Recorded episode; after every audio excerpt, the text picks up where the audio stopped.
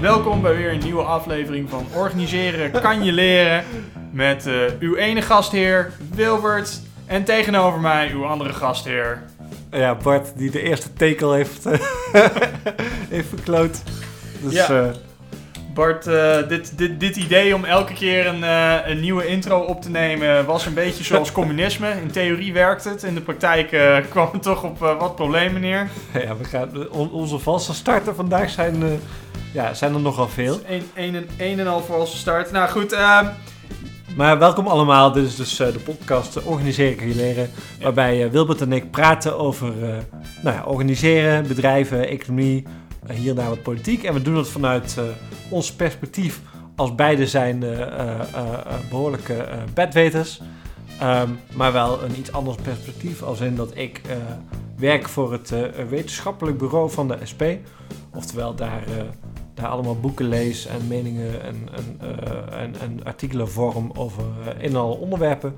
Vanuit een socialistisch perspectief. En eh, ik kom iets meer vanuit de corporate kant van de wereld.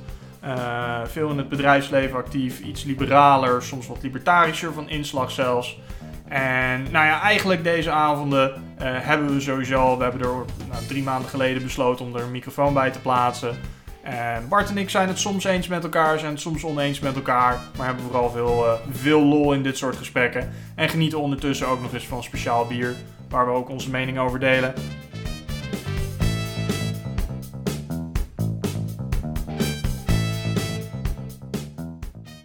Ja, en aangezien een van die biertjes zojuist eh, voor de intro al open is gegaan, zullen we maar eens beginnen. Wat heb je meegenomen? Ik, eh, ik heb meegenomen vandaag, omdat we, omdat we de klacht kregen, maar later meer over, eh, over de feedback, dat, we, dat we niet vaak genoeg bier dronken dat we lekker vonden, heb ik een van mijn persoonlijke favorieten meegenomen.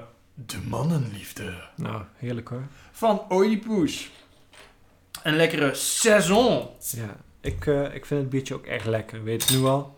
We gaan drinken. Inschenken. Ja, ik bedoel, ehm, wij voegen nu het, eh, het opnemen van een nieuwe intro toe in onze routine. De vorige hebben we een routine besproken, maar ik ben hem alweer vergeten. Ehm, Hoe ging het er ook alweer aan toe? ver- eh, eh, feedback van de vorige keer, verbeteringen aan de hand van vorige keer. Ja, En- feedback was één van de stappen. Doorgaan met hetgeen waar we het over gaan hebben was er één. Het biertje openen was er één. Nou, dat hebben we ook gedaan. Dus eh, volgens mij kunnen we eigenlijk wel door naar de feedback. Zeker. Nou, Stapje twee. eh, proost. Proost. Nou, Bart, laat me eerst kijken naar onze mailbox. Want wij hadden een eh, adres doorgegeven vorige keer. In de edit. Wij zijn nog steeds te bereiken op organiseren.pm.me. Dus organiseren.pm.me. Nou, Eh, mooi. Nou, laten we kijken in onze mailbox. Hij is leeg. hey, lekker rustig. Maar goed, ik kreeg van eh, trouwe luisteraar Danielle eh, de feedback dat ze eerst niet het adres kon verstaan. Ah, Eh, dus, nou goed, hier nogmaals een keertje organiseren.pm.me, ook in de beschrijving. ja. Ehm, maar, gezien de laatste statistieken, wij hebben inmiddels 51 abonnees en iets meer dan 150 listens totaal. Kijk. En dat maakt ons officieel tot de meest beluisterde politieke debat slash bierreview slash organisatiekunde podcast van heel Nederland. En dat zegt wat. Nou, laten we daar nog maar op, eh, op proosten. Nog een proost. Eh, Hoppa. Ja, oké. Nou, belangrijke feedback van, eh, van, van Daan. Ja, ja, ja. En verder vonden ze het wel leuk. Ze zat gelijk al, eh, wanneer kan ik eens een keer te gast eh, komen hier? Nou, dat gaat vast nog wel een keertje gebeuren. Nou ja, dat is... Ik zat daar toevallig aan te denken. Ik zag al dat, dat zij hier en daar eh, iets had gereageerd op, op, op post over deze podcast. En ik kan me herinneren dat wij vorige kerst met z'n drieën een, een avond in Nijmegen notabene hebben zitten speciaal bieren. Dus ik wilde al voorstellen dat we dat een keer opnieuw gingen doen. Ja, maar als ze als gast te gast wil komen, dan moeten we daar maar denk ik een, eh, een kersteditie eh, van maken. klopt. Los van onze reguliere eh, uitzendingen.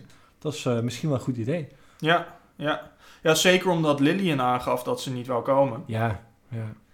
Nee, dat is helaas zo. Ja. Ja, ik vroeg het er en de reactie was onmiddellijk van wie ben je en wat is dit? En, Ja. Ja, je bent toch te direct. Misschien begint het ook met, met Lillian. Dat klinkt al te Engels.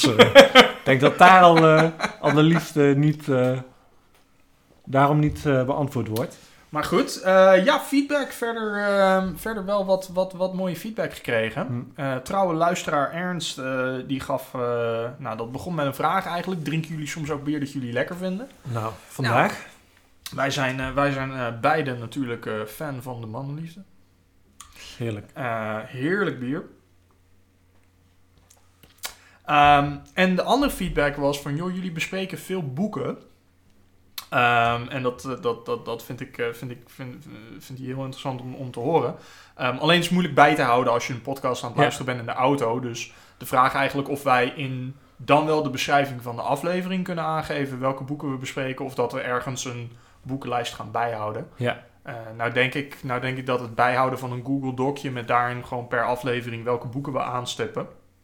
Dan een lopende bronverwijzing opbouwen. Dat dat niet heel veel moeite kost, maar misschien wel heel interessant kan zijn Nee. voor onze luisteraar. Kijk, jij bent het editen en ik meestal even achteraf. Luister toch wel even terug hoe het allemaal in elkaar zit. Al is het maar om gewoon te zorgen dat er niet al te veel gênante dingen tussen zitten. En meestal valt het hartstikke mee, dus dat is mooi. Eh, nee, goed plan. Ehm, laten we heel even uit onze routine stappen en zo meteen weer doorgaan met de feedback. Omdat ik me toch een geweldig boek aan het lezen ben. Oh ja. dus en die, die, die past er eh, verder vandaag die, denk ik niet zo goed in. Heb je het bij een goede boekhandel gekocht? Nee, hele slechte. Maar. ehm, eh, zo. Ehm, nee, ik zat. ehm, ik kreeg vorige week de New Left Review. Ja, ik, weet je, als je voor zo'n eh, socialistisch denktank gebeuren werkt, dan moet je dat soort dingen allemaal lezen. En dat vind ik echt leuk. En daar stond een heel grote review in van eh, Perry Anderson, de, de auteur van Imagined Communities. Dat is een standaardwerk over het ontstaan van, eh, van, van landen, staten. Eh, en die had een andere historicus, uh, socioloog, besproken, naar de, namelijk Adam Tooze. Zijn drie boeken, waarvan de derde, de eerste twee gaan over de Eerste en Tweede Wereldoorlog. En het derde boek van deze historicus gaat over de financiële crisis. Mhm. En eigenlijk alles rondom economisch, monetair beleid. Eh, vanaf, laten we zeggen, Clinton tot aan nu ongeveer. Ja, het is, het is ondertussen alweer eh, bijna twee jaar oud, dit boek. Uh, maar het is, het is me toch een partij tof. Ik lees er zoveel interessante dingen. Het is wel een beetje een dik boek. 600 pagina's, flink, flink samengeknepen. Het is zwaar economisch, dus voor de meeste mensen is het gewoon echt niet leuk om te lezen. Het kost mij eigenlijk ook best wel veel tijd meestal. Dan heb ik daar niet zoveel moeite mee. Mm. Uh, maar ik leer er zo ongelooflijk veel van. En een van de, van de dingen waarom ik het boek ben gaan lezen... is omdat er in de aankondiging van, van Perry Anderson... en ook eigenlijk in de inleiding van het boek wordt geschreven... dat de reactie van Amerikaanse uh, politiek-economische elite op de crisis... eigenlijk best wel goed is geweest... als je het hebt over het redden van, uh, van het kapitaal... Van, uh, van de meeste grote banken en vermogenden. Mm -hmm. Maar dat het in Europa keihard heeft gefaald. En dat is een... Uh, ja, als in dat, daar heb ik wel, wel zelf ideeën bij en, en een, een soort van, van, van mening over. Maar zo scherp tegenovergesteld aan de Amerikaanse reactie had ik nog niet gelezen. Dus ja. daar was ik erg nieuwsgierig. Op, op, welke manier heeft Europa dan gefaald? Waar zit dat contrast hem dan in? Ja, dat ga ik dus uitvinden. Want daar, ik ben nu pagina 100 ongeveer van, ah. van de 600. Dus dat wordt nog, uh, nog interessant. Maar het is nu al wel, wel echt heel erg boeiend. En een van de dingen die ik in ieder geval in het begin al heb geleerd... is dat een van de, je, hebt, je hebt in die tijd dat, uh, dat de crisis een beetje begon, laten we zeggen 2000, in, de opmaat naar wat uiteindelijk een vrij grote, uh, met name uh, kredietcrisis is geweest, hè, het uitlenen van geld aan mensen die het vervolgens niet kunnen terugbetalen, um, is dat het, uh, het leverage, dus de, de, hoeveelheid geld die een bank binnen moet houden uh, terwijl ze geld uitleent, hoeveel moet ze eigenlijk in reserve houden om op situaties te kunnen reageren. Dat is allemaal vastgelegd in, in, in internationale akkoorden, Basel 1, 2, 3. Ja. Um, en een van de, van, van de dingen die Toes omschrijft is dat uh, rond 2000 uh, is het eigenlijk zo dat met name in Londen, maar Ierland, Duitsland eigenlijk hetzelfde, uh, Europese banken um, voor, voor elke 50 euro er ongeveer één in huis moeten hebben. Nou, dat is vrij extreem. Ja. En uh, dat betekent eigenlijk dat je op je uitstaande leningen enorm veel geld kunt verdienen. Um, en Amerikaanse banken waren daar jaloers op, dus die begonnen te lobbyen. Uh, door te stellen van, hé, hey, die Euro Europeanen mogen veel meer als wij, geef ons die ruimte ook eens. Uh, dat was een, een, dynamiek in dat hele geheel dat ik nog niet eerder had gehoord. Okay. Dus, dus erg interessant. Ik eh, hoop er de volgende keer eh, eh, wat meer eh, verslag over te kunnen doen. Maar eh, Ja. het, eh, het kost nog wat tijd. Dus eh, ik heb nog vier andere boeken gelezen, maar dan komen we vandaag nog wel, eh, wel op. dus dat, eh, deze even tussendoor is hij uit de weg. Ja, andere feedback. Andere feedback. ehm, nou, je hebt van een paar mensen in ieder geval teruggehoord, wat meer generiek, dat het, dat het leuk was om daar te luisteren, maar dat je wel even de tijd ervoor moet pakken. Ja. Want wij, wij, wij gooien het natuurlijk wel in één keer live met, eh, nou ja, goed, toch 100 minuten elke aflevering. en dat Ja. is wel even een... ehm, het, is, het is echt een autopodcast, blijkbaar. Ja. eh, voor mensen die in afstand moeten, moeten reizen. Ehm, we kunnen erover denken, maar goed, dat gaan we deze aflevering niet doen. Maar als we ooit eens een keer een agenda gaan ontwikkelen... om het wat meer gesegmenteerd eh, aan te pakken... zodat mensen kunnen starten en stoppen en weer doorgaan in wat kleinere chunks. Ja, daar kunnen ze over nadenken. Aan de andere kant, je kunt hem ook pauzeren. Ja. Ehm, en eh, tegenwoordig, kijk, nu je geen 130 meer op de snelweg mag, eh, ben je misschien wat langer onderweg. Misschien ook niet, hè? Het schijnt goed te zijn voor het file-oplos-verhaal. Eh, ja, dat is al... ik hoorde ook dat mijn broertje vertelde, die had hem ook geluisterd, de eerste aflevering, de tweede nog niet. Ehm, dat, dat hij het regelmatig eventjes een paar, een paar minuten terugzette. Had hij even wat gemist, hij, was, hij is al tegelijk aan het werken, een broertje Ja. kunstenaar. Ehm, en dan luister je een stukje terug. En dan hoor je het dan wel goed en dan kun je weer verder. Dus, eh, dus dat werkte goed, kennelijk. En erg Mhm. interessant, leuk om te luisteren. Ja. Prettig. Dus dat is mooi. Vinden we goed om te horen. Ik kreeg, Ja. eh, kreeg ook goede feedback terug voor de mensen die aflevering 1 en 2 hebben geluisterd. Trouwe luisteraars dus. Zo zo. Ehm, dat de muziek en de editing wel een stuk beter was geworden. zo, ik heb wel gelachen zeg. Jongen, jongen, wat, wat was er aan de hand zeg? Nou, ja, wat dat betreft... Die intronet ging misschien niet super geweldig. Maar de vorige keer waren we natuurlijk uh, een hele bieraanslag uh, gehad. Een Ja. dennennaaldenbier van jou. ja, jongen, van jongen. front, Wilders. eh. Ja, ja, ja. Nou, Oh, heb je verder nog, eh, verder nog feedback teruggehoord? nee, het was wel zo'n beetje. Ja. Eh, ik, mij is nog niet verteld dat ik ermee moet ophouden van mijn werkgever. SP heeft bij jou ook nog niet ingegrepen, geloof ik. Nee, ik geloof dat die allemaal prima vinden. Ja. Ehm, ja. Ik, eh, ik, ik denk dat het ook niet per se... eh, ik weet niet of wij per se spreken namens onze werkgever. Nee, toch? Het is gewoon... eh, Mm. nee, wij werken ergens en we, podcasten in onze vrije dit, tijd. dit doen we echt op eigen naam. Ja. Dus als, als jullie ons willen boeken om te spreken op, op jullie tv-programma of conferentie, dan, Bruiloften, feesten, partijen. ja, dan, dan hoef je daar geen, geen werkgeverstarieven voor te betalen. Wij komen langs voor bier. Oh, dat is wel... Nu nog, totdat de populariteit helemaal explodeert. En dan is het Precies. gewoon echt duizenden euro's voor een verschijning. ja. Goed, dat is dan de feedback. Dat was dan de feedback. Hebben we nog correcties? Oh naar ja, aanleiding van vorige keer. Ik geloof niet dat er echt heel erg eh, grote fouten zijn gemaakt. Nee, ik heb, eh, ik heb hem ook weer teruggeluisterd. En, eh, Geen namen door de war gehaald of verzonnen dit keer. geen namen door, het war te halen, door de war gehaald. MBO'ers zijn nog steeds geen studenten. Ja. Dus dat was ook correct. Eh, die discussie heb ik gewonnen. Ah, En, eh, toch fijn dat je dat zo ervaart.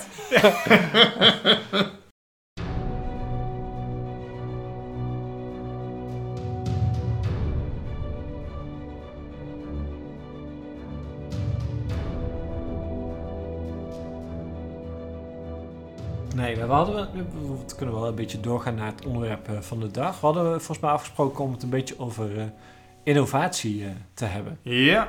Ja. Ga dat doen? Kunnen we doen. Of tenzij je denkt van joh, we zijn dus wat gebeurt in het nieuws de laatste tijd waar we echt in moeten duiken. Ongetwijfeld komen we nog wel bij nieuws en af en toe noemen dat je tegenwoordig dus 100 km per uur... Kennelijk wordt vaak in de auto geluisterd, dus dat kunnen we beter goed herhalen. Hè? 100 km per uur, rustig aan. Niet harder dan 100. Nee. Eh, Tenzij het s'nachts is. ja, Dan, eh, dat en- maakt niet uit. en serieus, het maakt, het maakt in een land als Nederland echt niet uit hoor. Of je nou, hè, als je in één keer kan doorrijden, scheelt het je wat drie minuten of zo? Oh, zo bedoel je. Oh, ik Oh. dacht dat je wilde zeggen van of je 150 rijdt, niemand heeft het door. Het, Oh god. ja, alleen als je een Tesla rijdt. Ja, dan ma- mag het. Ja, dan mag het. Ja, uit, uitgezonderd. Ja. Nou ja, tegen de tijd dat het- dat, het- dat wordt uitgezonden of ergens eh, te beluisteren is, kan dat misschien wel waarheid zijn. Hè? We weten het niet. Het nieuws is vers. Ja. Dus, nou ja. Nee, eh, innovatie leek me wel een interessant onderwerp. Ik had jou een, een boekje opgestuurd. Ja, nou ja naar jou, naar jou, jou, jou, jouw broer. Naar mijn alter ego, Wilbert Welen. ja, zo gaat het dan. Als ik even stel de tik, dan, uh, dan gaat het gelijk fout. Gelukkig heb je geen spelfouten in een podcast. nou ja, in de... in de... In de begeleidende tekstjes. Maar die hebben er ondertussen allemaal uit. dat is allemaal goed gekomen. Ja. Nee, ik had jou een boekje gestuurd van uh, Marianne Mazzucato.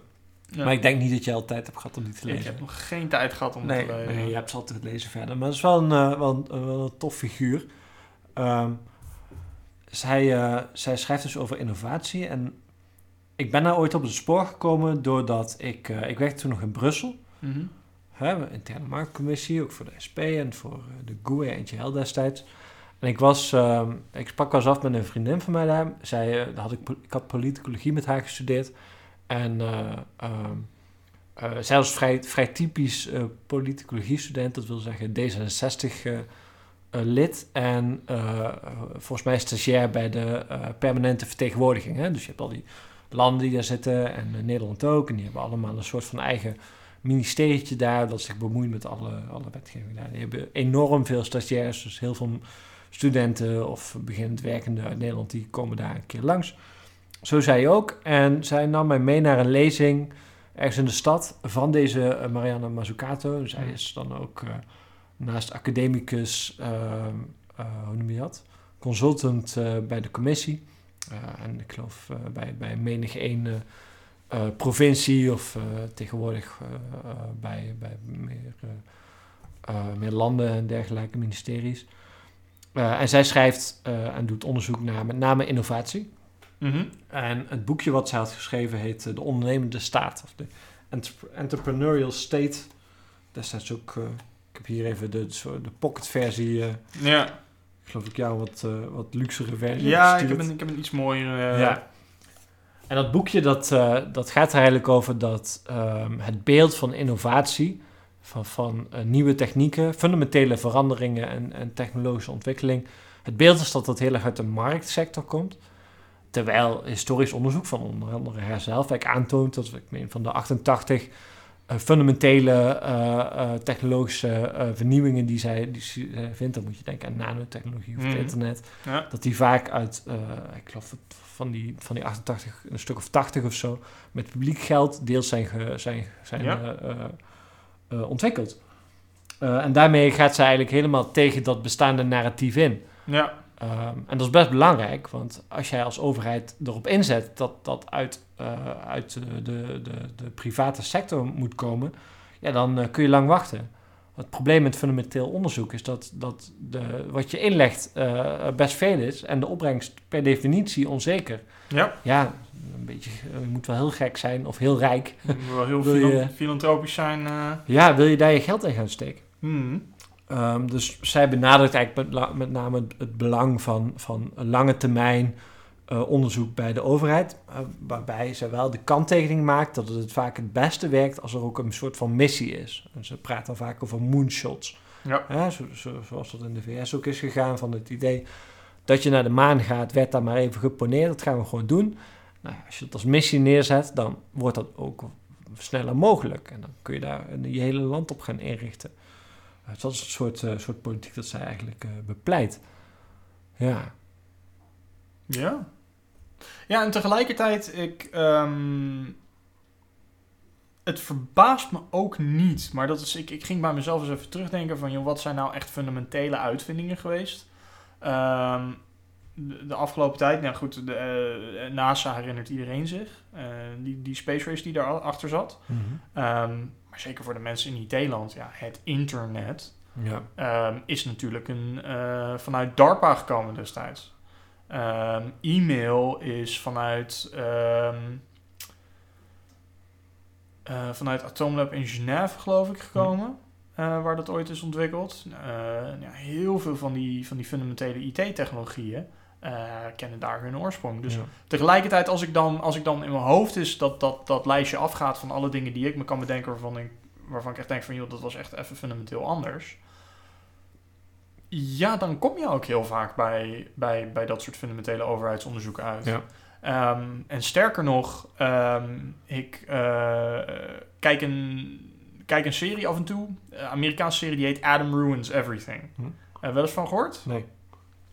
Het is een, eh, het is een serie van, eh, van een eh, comedian, Adam Conover. En telkens, telkens pakken ze één onderwerp. Geven, funeral industry, ehm, eh, science, nog dat soort dingen. Ehm, waarvan hij eigenlijk aantoont van, joh, niemand snapt dat. Hè? Dus Ja. hij, hij ruint eigenlijk het, het bestaande beeld ervan. En altijd met bronvermelding en expert Hm. interviews. Inderdaad, een van de afleveringen, ja, toevallig dan de aflevering over de wetenschap, eh, geeft, geeft hij eigenlijk aan van, joh, het is he- eigenlijk helemaal niet zo glamoureus. Dus een gigantische drang om te publiceren, wat leidt tot die hele reproductiecrisis. Ehm, de meeste bedrijven willen er best in investeren, maar die zijn echt specifiek op zoek naar dan wel dingen die onmiddellijk inzetbaar zijn voor ze, dan wel dingen die bevestigen, die eigenlijk vertellen wat zij hopen te horen. Hm. Ehm, en de overheid blijft over, maar de overheid, de overheidsinvesteringen worden vaak ook weer gecontroleerd, zeker in Amerika. En dat is waar, Hm.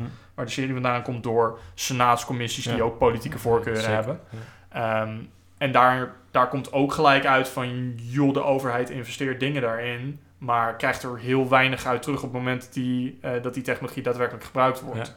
Ja, is zeker een belangrijk element. Je moet er straks maar even over hebben, want met name in Nederland is het ook wel interessant hoe dat hier gaat. Ook met de, de onderzoeksgelden vanuit de Europese Unie. Toevallig heb ik daar ook een tijdje mee gewerkt, dus daar weet ik best wel veel vanaf.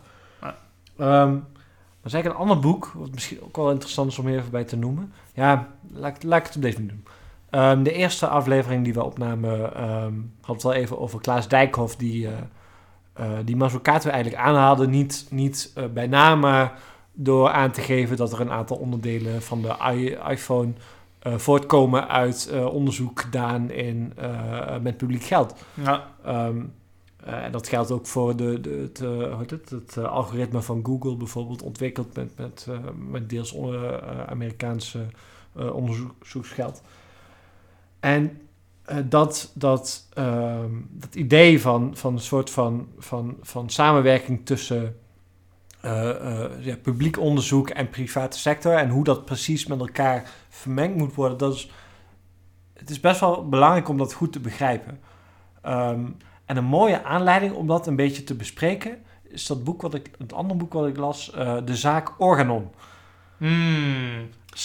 Het- ook een, een, zeker een aanrader voor onze eh, Nederlandse luisteraars. Ja, ik denk dat je moet wel helemaal gek zijn als je, als je vanuit het buitenland ons gaat, gaat luisteren. Maar, maar, maar ja, mocht je Nederlands spreken, De- pak dat boek. de enkele Belg. Ja, dat, nou voor België is het toch wel interessant. Ja. Met de zaak Organon gaat dus eigenlijk over het ontstaan van wat later Organon eh, en eh, MSD eh, ehm, eh, wordt en OS.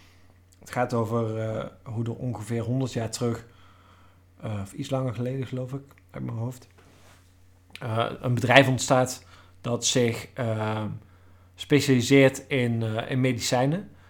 Waar je eigenlijk te maken hebt met een vrij academisch persoon aan de ene kant, die zich heel erg bezighoudt en eh, ook heel veel ruimte opeist voor vrij fundamenteel onderzoek. Hm. En aan de andere kant iemand die in staat is om eh, eh, dat onderzoek te gebruiken en te ontwikkelen voor de markt. Eigenlijk het model wat je, wat je tegenwoordig ook steeds vaker ziet, maar wat dichter bij elkaar samengeperst. En wat daar eigenlijk ontstaat door de jaren heen, dat allemaal fusies en, en dergelijke, maar in zo'n krap 70 jaar ontwikkelt daar zich een bedrijf dat in staat is om aan de ene kant eh, mensen die daar werken, met name eh, eh, ehm, op, de, op de wat meer experimentele kanten, om die heel erg veel vrijheid te geven in het nazoeken van zaken die zij interessant vinden, echt vrij onderzoek doen. Ik geloof dat het zwart onderzoek noemen, dus onderzoek zonder echt toestemming van, van de bedrijfsleiding. Ehm, en aan de andere kant het omzetten, het vrij snel omzetten van die eh, uitvindingen, van die zaken die zij, die zij vinden, in eh, verkoopbare en patenteerbare medische, eh, medische zaken. ja. Ja. Ja. dat is best wel cool. En ehm, het, het, het, het boek laat best wel goed zien hoeveel, eh, ehm, hoe belangrijk het is voor zo'n bedrijf om een hele duidelijke verbinding te hebben met een universiteit. Maar tegelijkertijd om ook echt een significant deel van je budget beschikbaar te houden voor dit soort eh, dit soort onderzoek. En daarbij met name ook de ruimte te laten aan mensen die daar vanuit een soort creativiteit en interesse gewoon mee bezig zijn. Ehm, en ja, het, het, boek eindigt, of het boek is eigenlijk uh, geschreven naar aanleiding van uiteindelijk de opkoop en het opknippen van, uh, van Organon. Uh, het wordt een paar keer doorverkocht in delen en dat blijft uiteindelijk ook wel een, een science park over. Maar de glorie van het verleden en, en juist die... gaat die, die, nooit meer terugkomen. Nee, nee. En het, het is misschien ook wel extra bijzonder dat zo'n bedrijf als dit... met zo'n... Um, dat, dat, dat zo'n lange tijd zoveel, uh, zo'n zo'n percentage, zo'n groot percentage van hun, uh, hun uh, budget uitgeeft aan vrij fundamenteel onderzoek, dat het in een stad als Os komt te bestaan. Toch eigenlijk vrij ver weg van de universiteit. Ik geloof dat ze met name met de Universiteit van Amsterdam en van Groningen een goede band hadden. Op niveau van dat de beste studenten werden doorgestuurd. en daar ook weer die rol kregen dat ze vrijelijk zich verder konden ontwikkelen en konden onderzoeken. En, uiteindelijk produceren. Ja, ze, het is ergens een heel mooi boek, ergens een heel tragisch boek. Ja, je weet, je weet het einde eigenlijk al. Uh, het einde is echt super triest. Het gaat erover dat um, op een gegeven moment wordt, uh, willen ze uh, een soort van fusie aangaan met, ik meen, een Zweeds bedrijf. Even, het is alweer een paar weken terug las, maar even goed vertellen. anders hebben we altijd nog de, de correcties voor, voor, voor de volgende aflevering. Ja, ze willen het uh, uh, laten fuseren of laten opkopen door een Zweeds bedrijf. En dat zou eigenlijk best wel goed samengaan. Als je kijkt naar, de, naar, naar het soort bedrijf dat, dat, dat die twee waren. Dan zou... Roche toevallig? Ehm, nee, volgens mij niet Roche. Maar... Nee, god. ja, nee, ga door. Ga door. Nee, Roche Zwitsers. En, um, wat er gebeurt is dat zij, ze willen wel een goede waarde voor die aandeelhouders. Ehm, dus, dus voor die verkoop gaan ze naar de beurs. Uh, om, het, om te kijken wat, wat, wat die waardering... En in dat proces uh, krijgen ze zo'n goed bod uit de VS... Uh, dat ze het wel akkoord moeten laten gaan. Dus eigenlijk gelijk als ze het bod krijgen, gaan ze akkoord. Het is ja. zoveel meer dan ze hadden verwacht. Of het over 11 miljard ging of zo. Ja. En, en, het is veel meer dan wat ze, wat ze hadden verwacht. Wat bleek nou het geval? Um, in de VS was een vrij groot, groot medisch bedrijf... Mm -hmm. was opgekocht door een hedge fund dat door een vrij beruchte persoon werd geleid. En die persoon was eigenlijk, wat hij eigenlijk deed als hij een bedrijf overnam, was het bedrijf zo goed mogelijk presenteren, zoveel mogelijk de kosten overal eraf halen en weer doorverkopen voor een nog groter bedrag. Ja. Een beetje standaard. Hij maar deze gast was er vrij berucht om. Uh, en dat was hier ook het geval. Men nam dus Organon over, men snee alle onderzoekszaken weg. Oei. Men presenteerde vijf veelbelovende uh, patenten als hier gaan we de komende jaren uh, een flinke slaatje uitslaan. Overigens het meest uh, succesvolle patent dat ze hadden was een, een ander patent. maar die kochten ze toevallig ook nog mee, hadden ze niet eens door. Ehm, en het, het, het, nieuwe moederbedrijf werd weer doorverkocht. Die konden niks met Organon, dus dat werd weer doorverkocht en opgeknipt. En, oh, ja, ja. Echt een, een vrij groot drama, omdat nou ja, aan de ene kant het bedrijf waar Organon naartoe ging, duidelijk niet heel erg ge geïnteresseerd was in wat daar werkelijk aan de hand was. Ja. Um, ja, veel te overhaaste beslissing genomen uiteindelijk door, uh, uh, door, door deze, deze persoon. Ik ben even zijn naam kwijt. Het is een vrij bekende D66-politicus die dit allemaal heeft. Goed of VVD'er, ik weet het even. Hoe heet het toch? Nou ja, dus voor de volgende keer voor de... Ja. Voor de correctie. Yes. Ja, dus dat is het verhaal van, uh, van Organon. Uh, wat ik eigenlijk ja, aan wilde halen, omdat het heel erg duidelijk aangeeft. Eigenlijk vroeger had je daar dus een, een cultuur waarin die academische kant uh, en die vrije kant best wel groot was. Wat ook leidde tot een hele hoop innovatie. Het leidde ook tot een flinke bedrijfsgroei. Ja. Uh, wat uiteindelijk om zeep is geholpen eigenlijk door een financieel spel. Ja. Super zonde. Ja. En ook wel aanleiding was in Nederland om een hele hoop...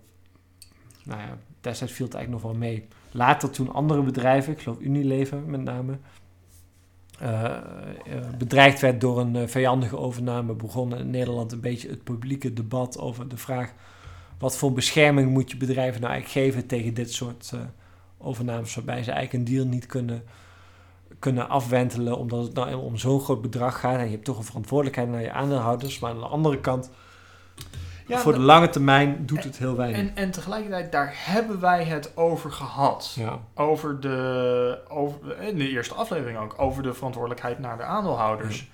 En, en toen wij daarin zijn gaan graven, eh, en dat, dat was zelfs de correctie van de vorige aflevering nog. Ik, ik kan me niet echt voor de geest halen dat we dat echt op die manier hard hebben terug weten te vinden. Dat, dat, dat het echt zo glashard staat dat als je zo'n bod krijgt, dat je dat ook moet nemen. ja, het is ingewikkeld, hè? Ja, het is in ieder geval heel moeilijk uit te leggen als je het niet doet. Het, het vergt eh, enige overredingskracht, leiderschap misschien. Ja, maar het, maar het, überhaupt het idee al ehm, van je hebt de optie om daar het gesprek over aan te Ja. gaan. Ehm, misschien, en, en, en ik, ik kan niet spreken voor de top van, van, van bedrijven, die kunnen daar veel beter bekend mee zijn dan wij. Ehm, maar je merkt gewoon dat, dat, dat, dat, dat jij en ik al heel snel dat automatisme hebben van, van oh, zo'n bod krijg je en dat moet je dus doen eh, voor je aandeelhouders. En zelfs dat je kijkt naar de regering van joh, welke bescherming kunnen die bieden? Ehm, terwijl, terwijl tegelijkertijd, als ik, als, ik, als ik terugkijk in, in ieder geval het materiaal dat ik heb kunnen vinden, is het is wat optioneler dan je zou verwachten. Zeg maar, wat, wat voor bescherming verwacht je van de overheid? Daar, ja, en hoe heb jij als bedrijf bescherming daartegen nodig? Nou, kijk, eh, in dit geval, uiteindelijk ging het over een. eh, een eh, dat is wel een goede vraag die omdat je hebt al een aantal rechten. Hè? Vaak een soort ondernemersraad moet mee een adviserende rol heeft en zo. Dus dat beschermt er wel enigszins tegen. In dit geval is het vrij duidelijk dat wat, het, eh, wat de nieuwe eigenaar ging doen vrij slecht was voor wat er in Os gebeurde. Ja. Ehm, dus op zo'n moment, als dat duidelijk is en als dat gesprek begint over zo'n overname, ook al is dat bod heel erg goed, dan zou een ondernemersraad bijvoorbeeld een aantal eisen kunnen stellen over wat er de komende jaren gaat gebeuren. Ja. Dat zou kunnen helpen. Maar het is ook wel ingewikkeld hoe je dat precies wil oplossen. Dat eh, geef ik gelijk toe. Eh, of is dat niet waar je, waar je naartoe Nou, wilde? het, het, het was meer. Ik, ik merkte meer van, joh, als een, als een bedrijf zo'n soort bod krijgt, ehm, hè, waar ze eigenlijk wel ja tegen moeten zeggen, ehm, wat voor bescherming kan een, kan een overheid daarin bieden? En wat ik een beetje terugvond is van, van ja, dat, dat, dat automatisme van dat ze, dat ze er wel ja tegen moeten zeggen ik kon dat moeten niet terugvinden. Ja. Ik heb de, er is wel uitgesproken van, joh, je hebt een verantwoordelijkheid richting je aandeelhouders om, eh, om waarde te creëren en uit te keren. En dat, dat zag je een beetje uit die, uit die voortzaak terugkomen.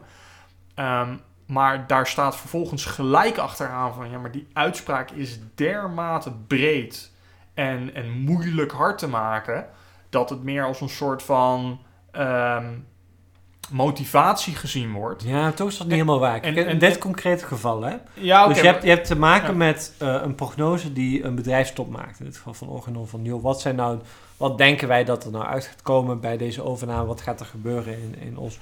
Eh, en wat is dan het bedrijf waard? Eh, dus die prognoses worden gemaakt en daarbij heb je een soort van, van, van optimistisch scenario en een pessimistisch scenario. Dan komt er ineens een bedrijf dat vandaag eh, het bedrag op tafel legt van jouw meest optimistische scenario. ja. Ja, dan is het wel ingewikkeld om daar nee tegen te zeggen. Tuurlijk. Sterker nog, ik- ik- hè, de, de, hè, wat- mij heb, ik de naam weer voor me. Volgens mij is het Hans Weijers. Volgens mij heeft hij ook, ook bij het interview voor dat, voor dat boek nog tegen die auteurs gezegd. Het zijn trouwens twee sociologen, volgens mij uit Rotterdam. ehm, eh, van ik zou het eigenlijk opnieuw doen. Het was gewoon het beste wat we op dat moment konden doen. Ja. ja, goed, maar dat is, maar dat is een ander antwoord. Hè? Dat, het een, dat het een fantastisch bot is en dat, dat alle signalen op groen staan, prima. Het is het, is het woordje moeten Hmm. waar ik een beetje, ja. waar ik een Ja, beetje op zit. Van, van, van als je redeneert van, joh, ik heb een verplichting aan mijn Hmm. aandeelhouders om, Ja. om, om winstmaximalisatie uit te voeren. Of in ieder geval de waarde zo hoog mogelijk te maken. En Op dit, dit, mo- ja. dit is duidelijk dat, dus ik moet het wel doen.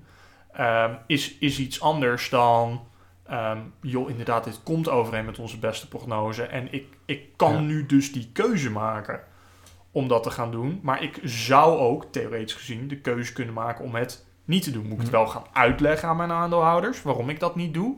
Maar het is geen, het is geen automatische reactie waar, waar hoogstens een overheid nog op zou kunnen interveneren, Ja. bijvoorbeeld. Ja. En dat is, wel, dat is wel iets wezenlijks anders. Nee, daar heb je gelijk in. Ja. Ja, in dit geval eh, heeft hij toch wel... eh, nou ja, be- behalve dan dat het misschien allebei kan. Je kunt aan de ene kant die druk voelen...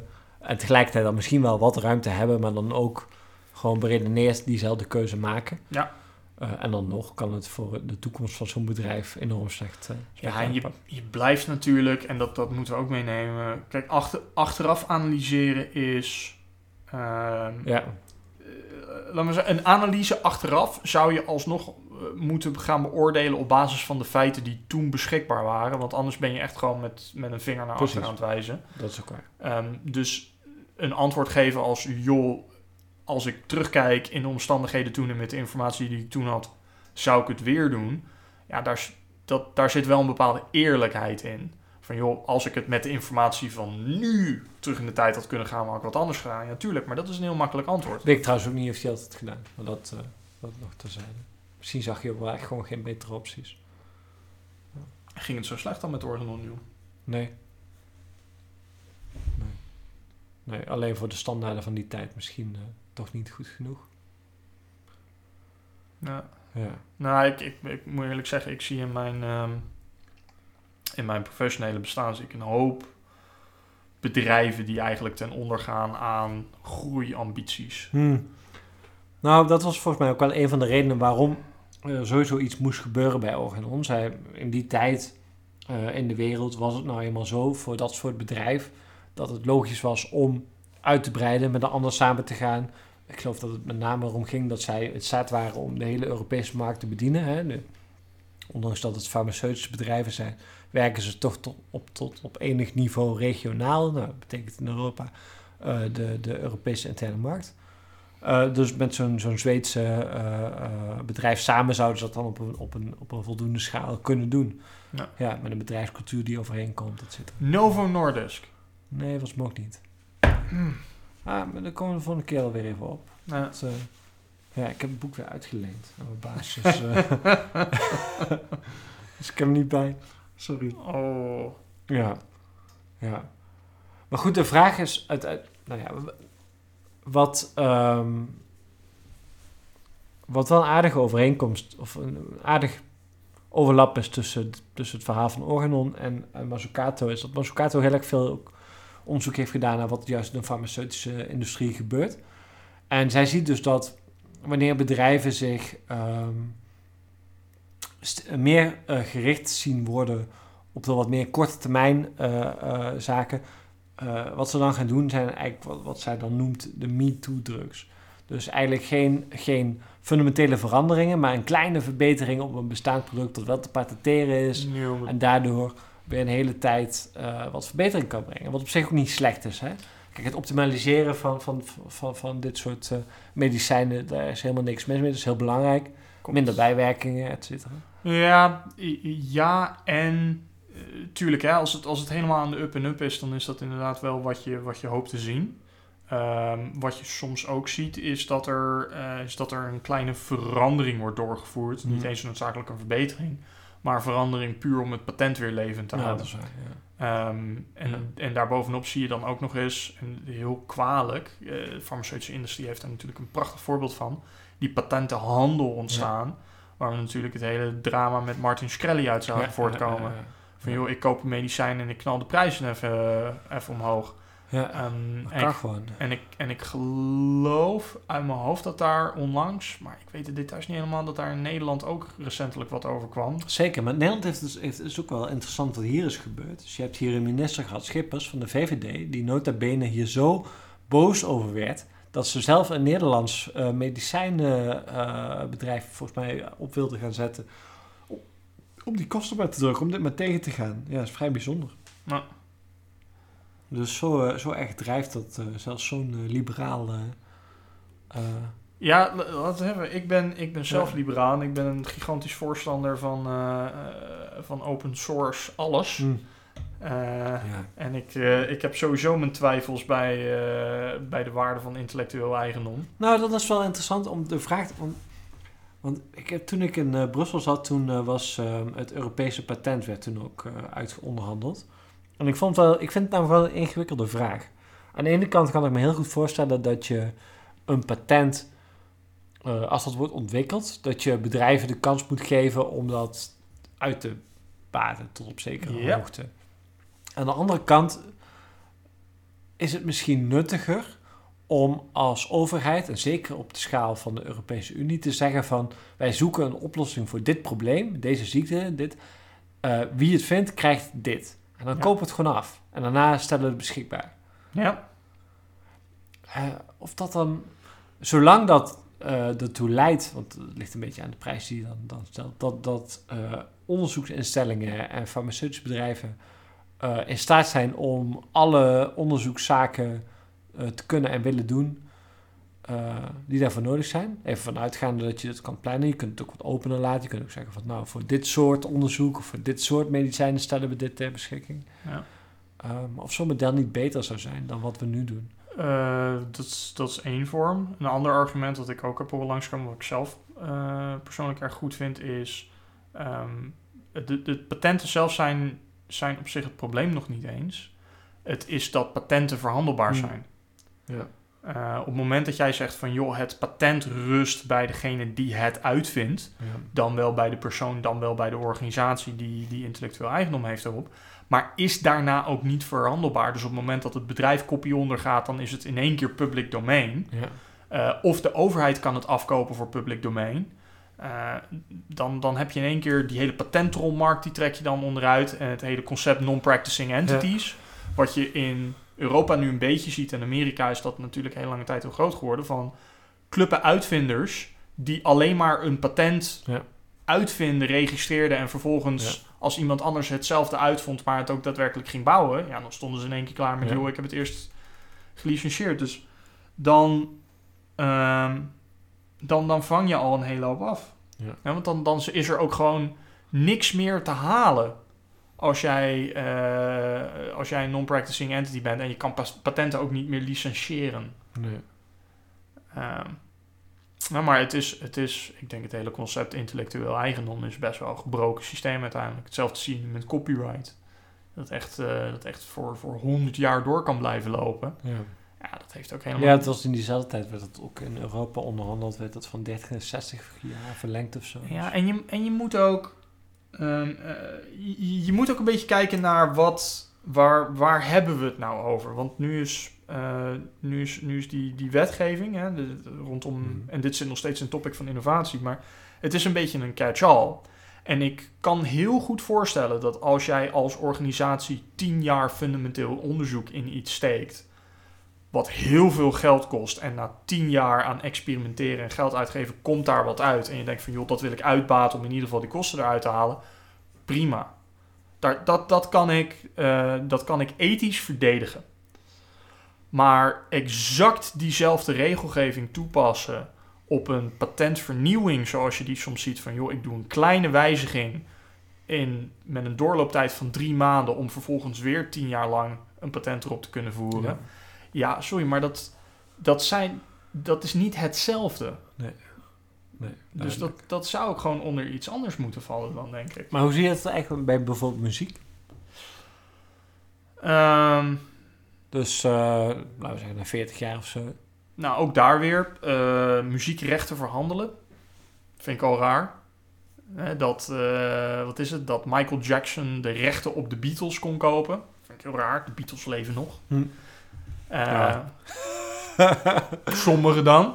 Ja, ik weet niet of we nou gelijk allerlei eh, vreemde theorieën gaan. Want dan worden, worden we een hele ander soort podcast. eh. Ehm, Kan ook, hè? Dus, dus, dus, dus dat is een ding. En, en dan kan je ook afvragen van ja, wil je dat dan... ehm, Trouwens, in de biersfeer moeten we de Beatles even in, in gedachten houden voor het volgende biertje. komen, we, komt, komen we zo op. komen we zo op. Ehm, en, ook, en ook daar, ik, god, ik ben, ik ben op een bepaald moment een beetje dat topic ingedoken rondom het, eh, het hele gedoe met Spotify Hm. in Amerika. Want die worden om de beurt ja. aangeklaagd door mensen die weer rechten hebben. Want het blijkt dat intellectueel eigendom muziek is complex. Ja. Want je hebt Ja, joh, die heb ik ook wel eens... eh, het, het, het, eh, de muzikant Ja. en potentieel het label ja. Ehm, en de, de tekstschrijver en de studio en de gasten die het instrument hebben gespeeld. En het kan best zijn, en dit, dit is, dit is een gigantisch probleem voor Spotify, die, zijn, die verdienen heel weinig zelf op elke stream.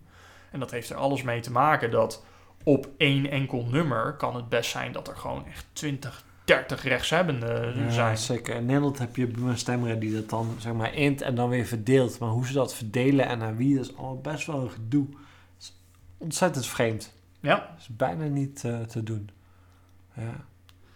dus dat is best wel, dit zie je ook met de thuiskopieheffing. Ja. Op een bepaald moment is daar ook gewoon een uitspraak over gekomen van, joh, dat is echt een soort gat waar iedereen wat aan uitgeeft. Nog steeds overigens. Ehm, Ja. eh, ja, dat dat gewoon ook gewoon niet hard te maken valt ook. Nee. Dus ik vind, ik vind het moeilijk om te zeggen intellectueel. Kijk, ik ben zelf, nou goed, jij, jij, ook wel een beetje. Wij, wij zijn wat meer in de eh, niche muziek. Ehm, waarin als een band iets produceert, dan weet je ook echt van nou, het is de band die alle instrumenten bespeelt en de muziek geschreven heeft en de tekst geschreven heeft en waarschijnlijk zelf betaald heeft voor een opnamestudio. Ehm, en, en labelindustrie werkt daar wat anders voor zover er labels zijn op sommige punten. En dan, dan, dan, is het, dan is het een stuk makkelijker om te verantwoorden van ja, die rechten liggen gewoon bij die band. Dit, eh, heb jij niet ooit nog een label gehad? In een lang, lang verleden. Lang. Oké. We moeten gaan. is, eh, ja, ja, vroeger. Ja. Vroeger, Ja. vroeger. ja. Nee, helemaal. Eh, nee, maar dat is. Hè, dus het is een.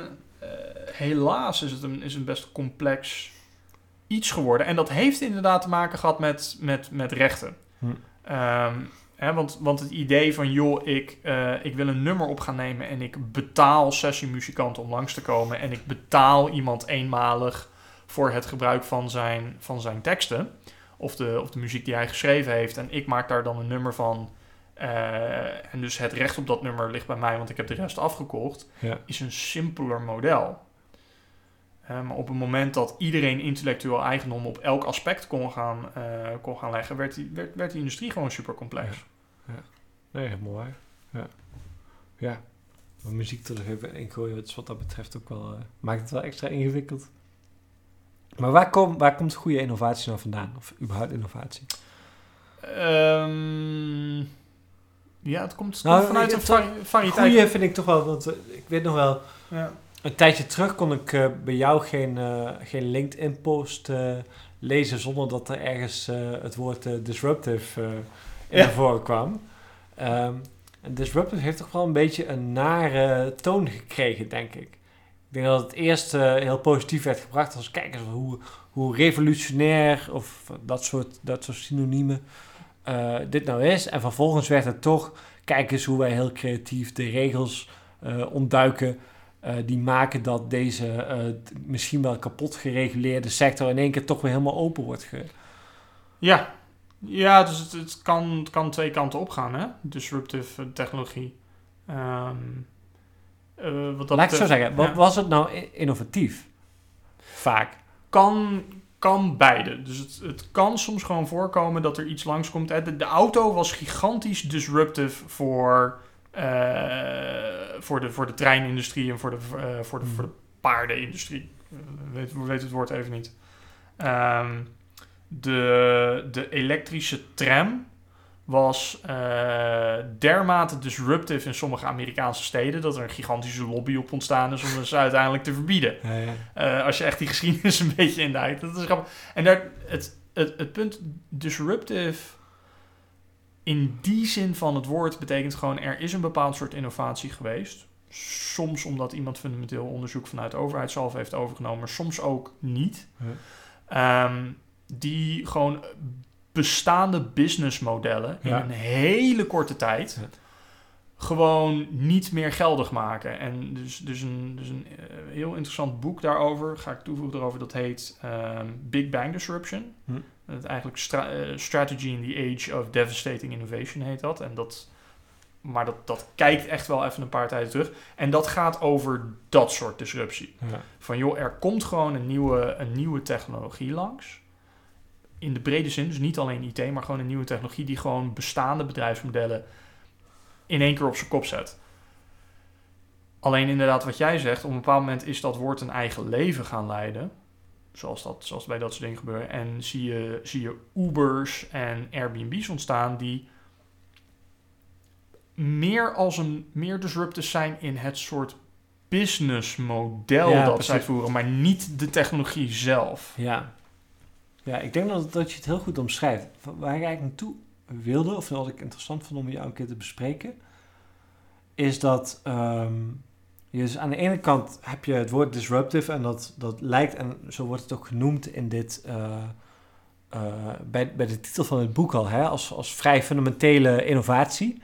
Aan de andere kant zie je dus dat juist recentelijk, eh, ondanks alle technologische innovatie, productiviteit, dus, dus heel kil gezegd gewoon hoeveel waarde wordt er gecreëerd in een uur gewerkt, Ja. neemt eigenlijk amper toe.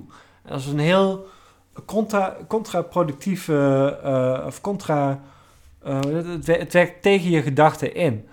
Eh, want je zou denken van, van alles wordt toch makkelijker om te doen. En waarom lukt het dan niet om die waardecreatie te verhogen?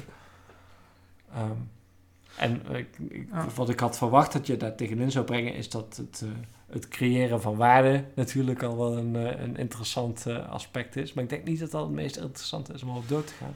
Nou, ook, ook, Ja. daar weer, ook daar weer moet je kijken naar. ehm, het, het hangt er inderdaad af van hoe jij, hoe jij waardelevering meet. Hè, dus, dus stel bijvoorbeeld, ik ben, ehm, eh, ik ben een auteur. Hè, la- la- laat me gewoon een hypothetisch voorbeeld omschrijven. En ik, eh, ik schrijf boeken. En ik doe dat, ik doe dat initieel met mijn, door het gewoon op te schrijven met vulpen. Eh, ik geloof Stephen King nu- doet dat nog steeds. Alleen, ja goed, dat duurt heel lang. En het vervolgens opsturen. Het is, het is een heel proces om dat boek op de gang te brengen. Maar omdat de hele industrie op die manier werkt, ehm, is ook de prijs van een boek relatief hoog. Ehm, nou, vervolgens ontstaat er dan de typemachine. Nou, tikken, tikken, tikken. Dat maakt het hele overschrijven een heel stuk makkelijker. Alleen het volume van boeken neemt ook in één keer toe. Dus de netto ja, productiviteit, als je dat meet als waarde geleverd per uur, Ja. Ehm, blijft ongeveer hetzelfde, ook al neemt de productiviteit, of eh, ook al neemt de, het volume, hè, de output, neemt nog steeds toe. Nou voeg ik daar eh, elektronische editing aan toe. Ik ga op een laptop schrijven, dus er zit spellingcorrectie op, dat soort dingen. Dus ik kan nog veel makkelijker dingen produceren. Dus die, die horde wordt steeds lager. Daardoor komen er steeds meer boeken op de markt. Nou, e-boeken worden ondertussen ook een ding. Dus je ziet ook daar weer dat de output neemt toe. Dus als jij productiviteit definieert als output per uur, dan neemt die toe. Alleen de outcome, hè, opgeleverde centen per uur, die blijft nog ongeveer hetzelfde. Want wederom, de markt raakt meer verzadigd, dat soort Ja. dingen. Nu ben ik laatst weer een, een, een technologie, te, of de nieuwste technologie die er nu ontstaan is, is eigenlijk voice-to-text. Hè. Dat, dat begint ook steeds meer volwassen te worden. Ik heb nu zelf een combo, die heb ik laatst op LinkedIn eh, overgenomen van iemand anders. eh, dat ik dicteer aan mijn computer in een app eh, die ook nog eens spellingcorrectie, maar ook taalcorrectie en dergelijke eh, uitvoert. Wat betekent dat mijn vermogen om te schrijven is met een factor 5 à 10 eh, toegenomen. Want ik hoef niet meer te typen en ik hoef ook ni- niks meer aan editing of correctie te doen. Want dat doet hij nu helemaal automatisch. Maar Ja, goed, als Kijk, Hè, en nu is er dus weer een stuk disruption op die typemachine uitgekomen. Want ik kan nu gewoon aan mijn iPhone een boek dicteren, bij wijze van spreken. Alleen als meer mensen dat ook weer doen, dan zie je ook weer de productiviteit qua output neemt toe. Maar de productiviteit qua outcome. Dus eigenlijk, eigenlijk moeten wij gewoon heel snel deze podcast in die app van jou gooien. Zodat wij samen dat boek uit kunnen brengen. Met, met ons heel intens kijkend. Helaas tot nu toe alleen maar in het Ah, Engels. Maar, Ja, eh, ja. Ah, shit. Nee, maar Dat is jammer. je, je, je ziet dus een beetje dat hangt. Als je dit hoort, eh, app, dan weet je dus dat het zover is. Ja, maar dat, dat, dat, dat, hangt dus, dat hangt dus best wel samen. En tegelijkertijd. ehm, ik kwam laatst een heel mooi verhaal tegen van een experiment dat Microsoft Japan had gerund. Ja, ik heb het eh, gezien. Ja. Ehm. Waarop ze gewoon een maand lang gezegd hebben van... joh, we gaan nu over naar een vierdaagse werkweek. Dus niemand komt meer... Op vrijdag zijn we gewoon gesloten. Gewoon kantoor is dicht, lichten zijn uit. En waar ze achter kwamen na een maand... is dat de, de productiviteit, dus wat het bedrijf in zijn geheel had opgeleverd... was exact hetzelfde gebleven. Ehm, alleen de kosten waren lager. Ja. Eh, hetzelfde overigens, en dat, dat experiment is een paar keer ook. Het is in, het is in Zweden herhaald. Eh, ondertussen is ook aangetoond van, joh, er is qua, qua output in een gegeven dag is er geen meetbaar verschil In een creatieve kennisindustrie, hè, dat wel. Ja. Eh, tussen een achturige werkdag en een zesurige werkdag. Ja, maar wacht even. Er zijn- Er zijn hier twee, twee dingen die ik toch wel even in wil brengen. Eén positief en negatief. Eén is, ik kan je garanderen dat elk bedrijf waar je voor één maand lang hè, eh, van vijf naar vier gaat en iedereen ongeveer dezelfde taken houdt, dat die productiviteit overal zal stijgen. Hè, zeker voor een maand, om vol te houden, om even wat harder te werken. Dat is één. Nee, nee, ze gingen niet harder werken. Ze gingen niet harder werken. Maar ze, de, de output is hetzelfde gebleven als... eh, Ja, maar ook daar weer. De, ja, en, da- en daar zie je een beetje het, het, het probleem met, probleem met Ja. output meten en outcome meten. De opgeleverde waarde van het bedrijf was exact hetzelfde in een werkweek is- als vijf Dat is dat is wat ik binnen wil proberen te zeggen. Het tweede is, ik had het er met mijn moeder over. En mijn moeder die, eh, die werkt in de gehandicaptenzorg. Ja. En zij werkt daar voor wat, dus twee, tweeënhalve of zo per week. Eh, en wat zij zegt is van ja, als ik, op, kan- als ik eh, daar kom, ik sta daar vaak in mijn eentje, voor, voor vijf, zes eh, gehandicapte dames. wed maar dat ik meer doe in die uren dat ik daar aan de slag ben, dan mijn collega's die er elke dag zijn. Is niet zo gek. Ik werk maar zoveel uur per week. Ik heb veel meer energie, veel meer drive om op dat moment daar, daarvoor in te zijn. Ja. Dus, dus eh, wij zijn natuurlijk geneigd om het gelijk op ons, onszelf toe te passen. Maar zeker op zo'n plaats, hè, eh, en, en zorg is, is dan per definitie eh, een heel arbeidsintensief proces. Daar is dat zeker ook waar. Ja. Dat, dat, dat hetgeen wat je, wat je doet, vervolgens hoe dat dan wordt afgerekend, hè, want niemand Ja. interesseert iets of die kwaliteit nou goed of slecht is. Daar Ja. wij amper naar. Maar Eh, daar maakt allemaal niet zoveel uit, maar het is, het Maar- is wel maar- beter. wat, eh, wat, wat ik hiermee een beetje aan probeer te duiden is, los van al die experimenten, maar ehm, er is disruptieve innovatie geweest in verschillende werkvelden, in hoe je bepaalde dingen aanpakt. En zou je dat in een vacuüm zien, alle omgevingsfactoren, de markt waarin mensen zitten en, en de cultuur die daaromheen hangt en al dat soort dingen, zou je die gelijk hebben gehouden, dan zou je wel een bepaald effect hebben gezien. Maar de markt is ondertussen ook mee veranderd. We kunnen nu veel sneller leveren. Laat ik hem heel cru zeggen, maar als wij een app willen maken rondom onze podcast, dan kunnen we dat doen in een week en hem live proppen, waar we vroeger een jaar voor nodig hadden gehad. Maar tegelijkertijd, de markt verwacht ook dat Ja. we dat in een week voor elkaar krijgen. Dus, het- dus het netto effect daarvan, eh, de, markt, de, de markt is meegeëvalueerd Ja. daarin. En wat je nu dus meer ziet, omdat die snelheid meer en meer is toegenomen, is als er nu daadwerkelijk een disruptieve innovatie langskwam. Vroeger had dat echt een gigantische impact op, op businessmodellen en duurde het echt even voordat die boel stabiliseerde. Nu zie je die impact nog wel, maar zie je vervolgens dat het heel snel meebeweegt. De laatste, eh, de laatste grote innovatie bijvoorbeeld in batterijland is eh, heel veel chips zijn nog gebaseerd op, eh, oh, nu ga ik hem heel verkeerd zeggen, silicon, silicium geloof ik. Ehm, daar is nu meer en meer een beweging naar eh, eh, gallium nitride. Hm. Eh, ook daar weer Nederlandse galliumnitride, zoiets. Maar dat is, ehm, het is energiezuiniger omdat het efficiënter is en er kan een hogere voltage doorheen. En opeens kan je dus je batterijen en je opladers vele malen kleiner Ja. houden. En is de efficiëntie veel hoger, dus gaat er ook veel minder energie bij verloren. Dat is een gigantische disruptieve innovatie, want heel veel van onze technologie is gebaseerd op silicon. En dat Ja. begint echt aan zijn grenzen te komen in wat je kan doen met chipsets. Die overgang is nu nog kostbaar, maar economies of scale spelen wel een rol. Ehm, alleen die industrie die, die beweegt zo snel, dat dat best wel onzichtbaar nu aan het gebeuren is. Ja, Terwijl, daar, terwijl ondertussen hele fabrieken moeten omgekeerd worden. Ehm, er, is een, er is een speelveld voor nieuwe aanbieders die nu opeens, eh, laten we zeggen, mijn, eh, mijn laatste wereldstekker ehm, heeft die nieuwe technologie erin, heb ik over Kickstarter besteld. Waarom? Omdat die vele malen sneller kunnen leveren eh, dan, dan een Philips.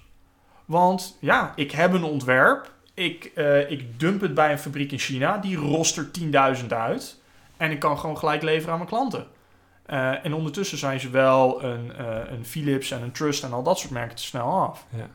Alleen daar hebben wij als, als consument gewoon veel minder, veel minder mee te maken. Ja, eh, economisch gezien heb je hier het probleem dat je dus die vooruitgang, die technologische vooruitgang, heel moeilijk kunt meten in een manier waarop die dat enig, enig eh, Het zin is, heeft. Het is geen gesloten systeem. Dat is het probleem inderdaad. Ja. Er zijn te veel variabelen. Ja.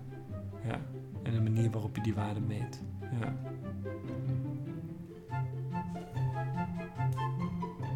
Zullen wij, Ja. zullen wij even een pauze nemen en een tweede biertje gaan openen? Ik heb sowieso wel zin in een tweede biertje, dus dat gaan we gewoon doen. Oké.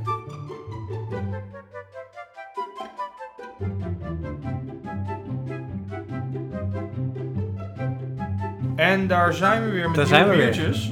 Eh, Bart, wat heb jij voor ons meegenomen? Het ging net al heel even over eh, de Beatles. Jij had ehm, een bier van, eh van, van Oedipus hè, in Amsterdam. Ja? Die willen nog wel eens samenwerken met ehm Oersoep, Nijmeegs bier. En we hebben de Sgt. Pepper eh, te pakken. Ook een saison, dus dat is wel eh, het bier van de avond. Ja? Heel toevallig. We hadden niet echt afgestemd. Ja, behalve dan dat het eh, lekker bier moest zijn. Great minds, hè? Dus dan gaan we niet aan de, de IPA'tjes, want dan heb ik geen, geen lol. En niet, niet aan de, de Russian Imperial Stout, want dan zit jij weer te kijken van wat heb ik nou weer in mijn hand. Ja, de Sgt. Pepper is eh, dus een beetje peperig eh sizzle. En voor, voor onze speciale kerstaflevering gaan we gewoon alleen maar trippels doen. Ja. Ja. En misschien, misschien dat er wel weer dennenboom bier eh, lijkt, me wel, eh, lijkt me wel gepast. Dus daar kunnen we eens even naar kijken. Eh, nou, proost eh, Bart, Ja, Op, proost. je, op je gezondheid. En de jouwe? Hmm. Ja. Misschien eh, dat we de, de innovatietalk nog even kunnen afronden met... Ja. we hadden het net heel even over... eh, over eh, Dus ik denk om, om, om samen te vatten wel, we kwamen, er, we kwamen er net wel op dat er, dat er echt wel een verschil bestaat tussen disruptieve technologie en disruptieve bedrijfsmodellen. ja, Ehm, zeker. en, dat, en dat het echt wel de moeite waard is om, om daar een bewust onderscheid eh, in te maken. Ja, behalve dat het misschien ergens... ergens van samenvalt in als, als in dat zo'n disruptief bedrijf... Zeg maar, de, gedeeld, de, gem- de gemene deler is misschien dat er een soort van... ehm, ehm,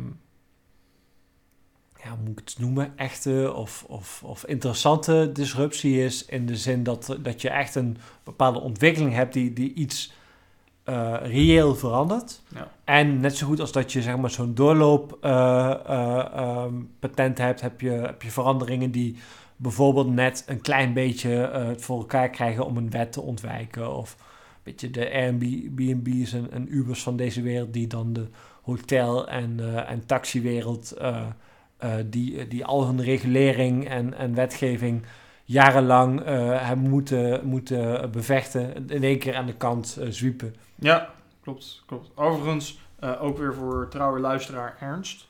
Het is best een lekker biertje. Mm. Ja. Ik snap inderdaad die hinten van peper erin.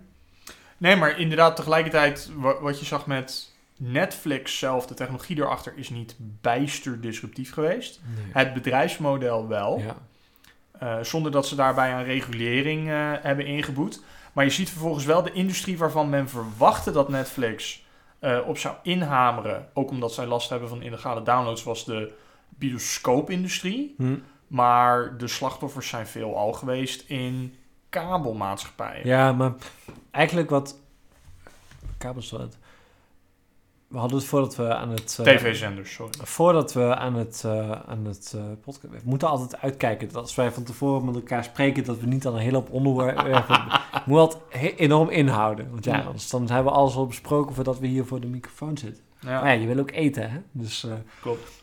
Ehm, we hadden het even over Bill Gates en Microsoft. En als er nou één bedrijf is dat eigenlijk van het begin af aan al bijna gemaakt was voor een eh abonnements eh, dan is het wel Microsoft. Vroeger die overgang van het ene naar het andere, dat was zo ondoenlijk. En met de snelheid waarmee je tegenwoordig software kan aanpassen en moet aanpassen, is een abonnementsmodel gewoon veel, veel logischer. Nu wel. Ja. ja. Ja, maar, maar het, het is eigenlijk altijd al wel een soort van... Ja, het is weer met de kennis van nu. Maar als je naar terugkijkt, daar heb, moet je toch wel vaststellen dat het er enorm geschikt voor is. Ja. Eh, het blijkt wel het gemak waarin zij eigenlijk die overgang hebben gemaakt. Wel vrij laat, meen ik nog. Nou, en daar moet je... Dus denk ik wel belangrijk dat we daar het onderscheid maken tussen eh, wij als consumenten en bedrijven. Want inderdaad, aan bedrijven leverden ze Ja. abonnementen Ja. eh, voor dag. Ehm, natuurlijk geen partij die dat zo goed doet als Oracle hier in Nederland. Weet je dat die gast gewoon in de top 10 van rijkste mensen in de wereld staat? Larry Ellison, ja, ja, ja. Holy shit zeg, dat heb ik Dat is gezien. als jij voldoende geld hebt om op een bepaald moment een van je buitenbaden om te laten bouwen tot subwoofer voor je thuisbioscoop. wat die gedaan heeft. Waarom?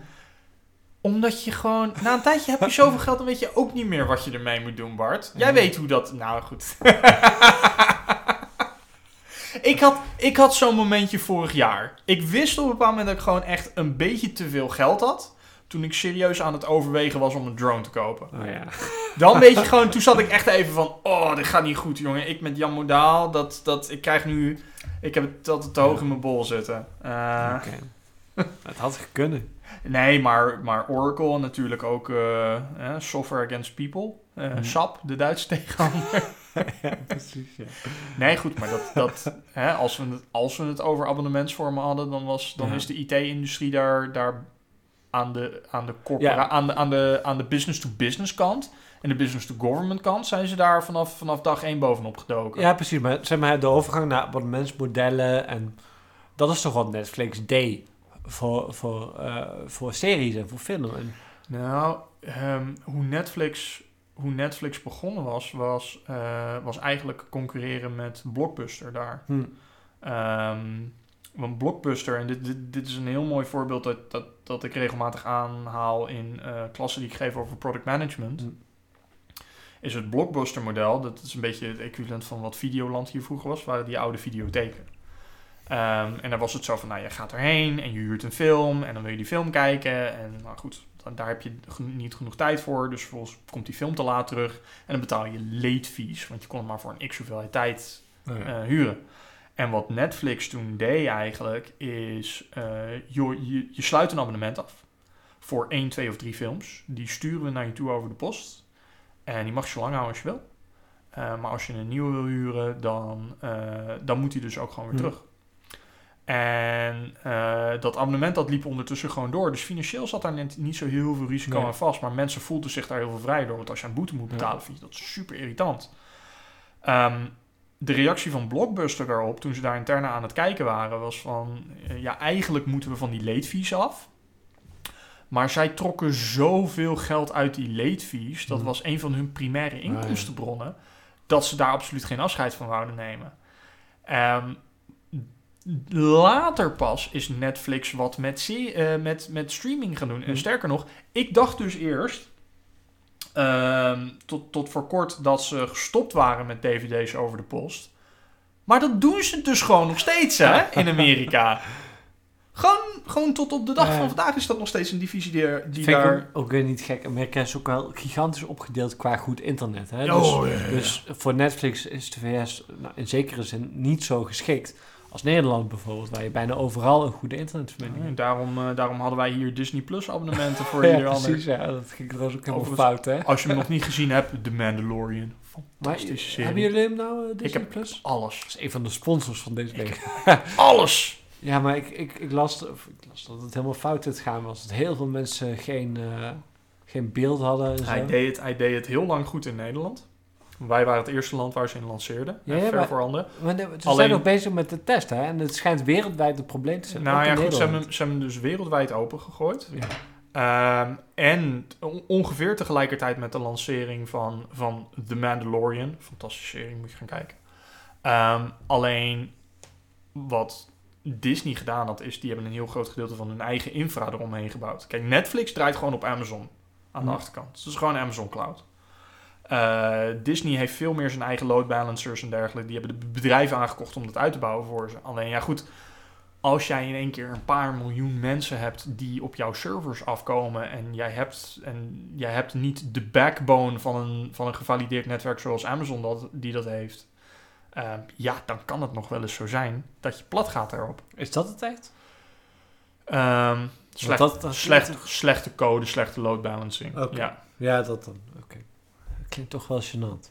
Joh, ik hoorde laatst een voorbeeld van een bedrijf. Ik mag de naam helaas niet noemen. ehm, maar door een slechte deploy van code zijn zij in een dag failliet gegaan. Hm.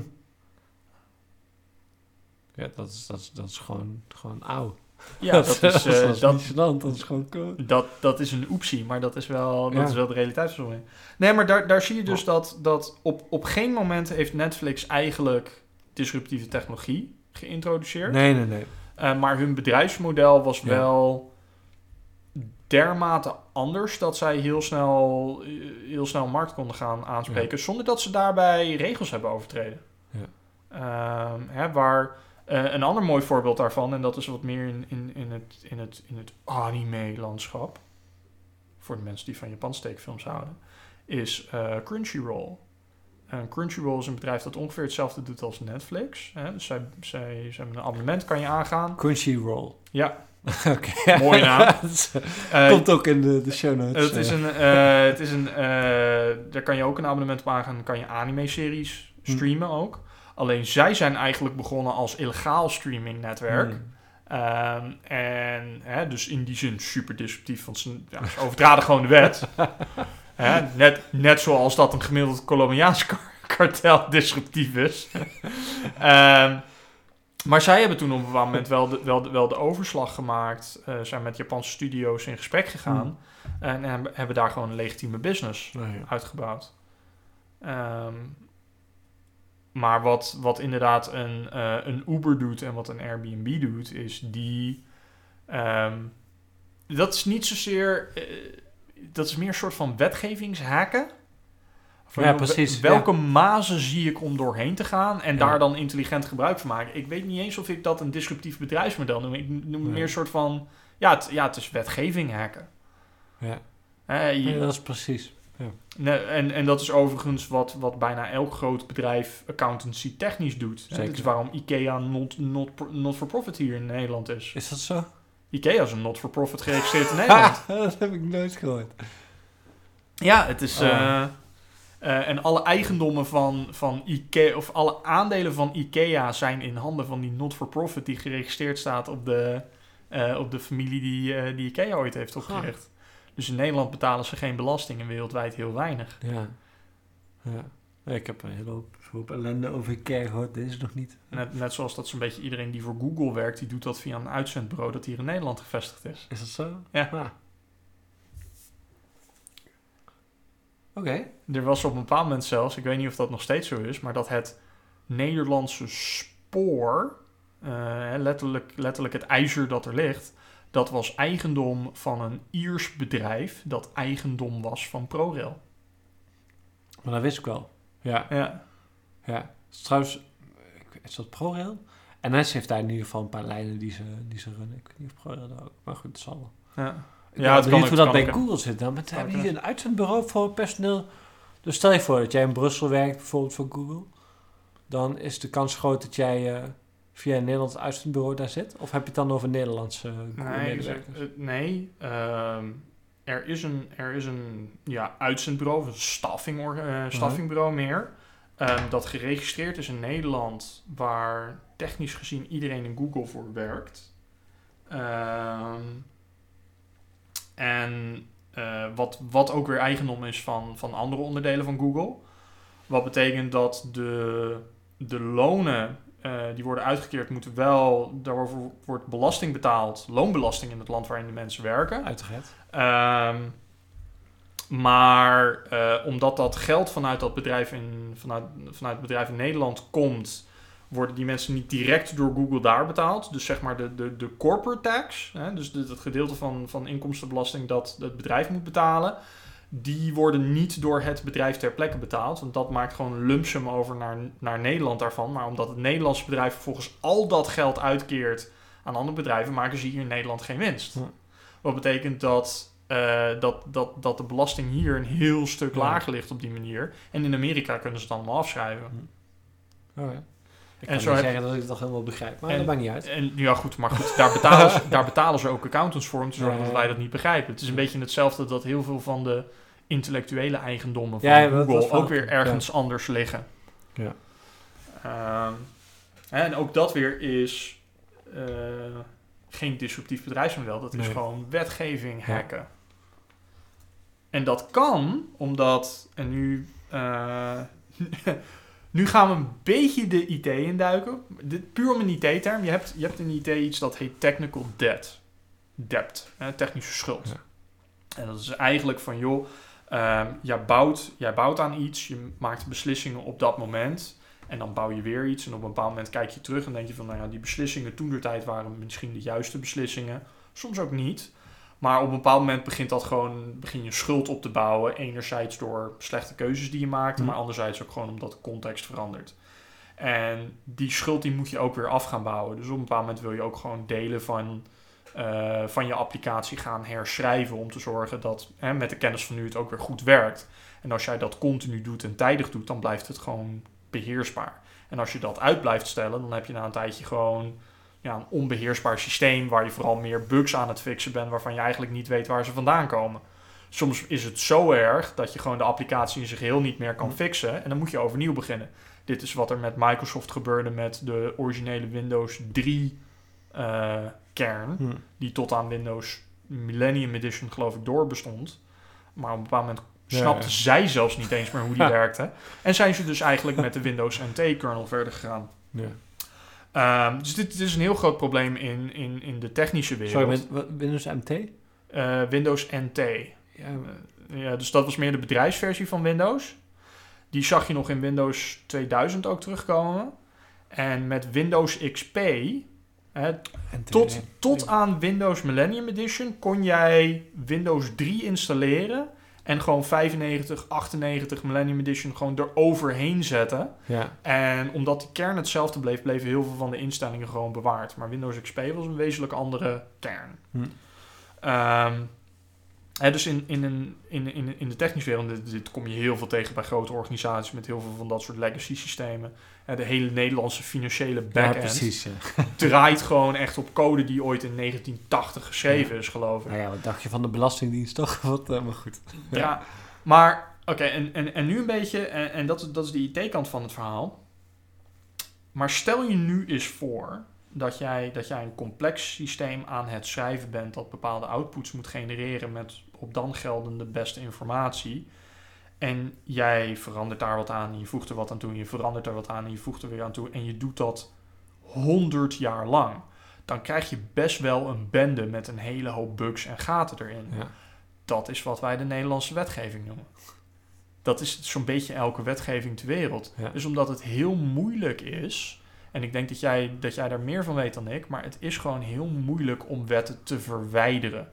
Of om gewoon om te zeggen van, hé, hey, dit, dit hele ding gaan we nu schrappen en herschrijven. Het is Toch? veel makkelijker om een addendum toe te voegen. Ja, maar toch gebeurt dat wel veel. Want ik snap wat je zegt, maar het is vaak wat, er, wat ik dan een beetje ken, zeker omdat in Brussel heb je dat.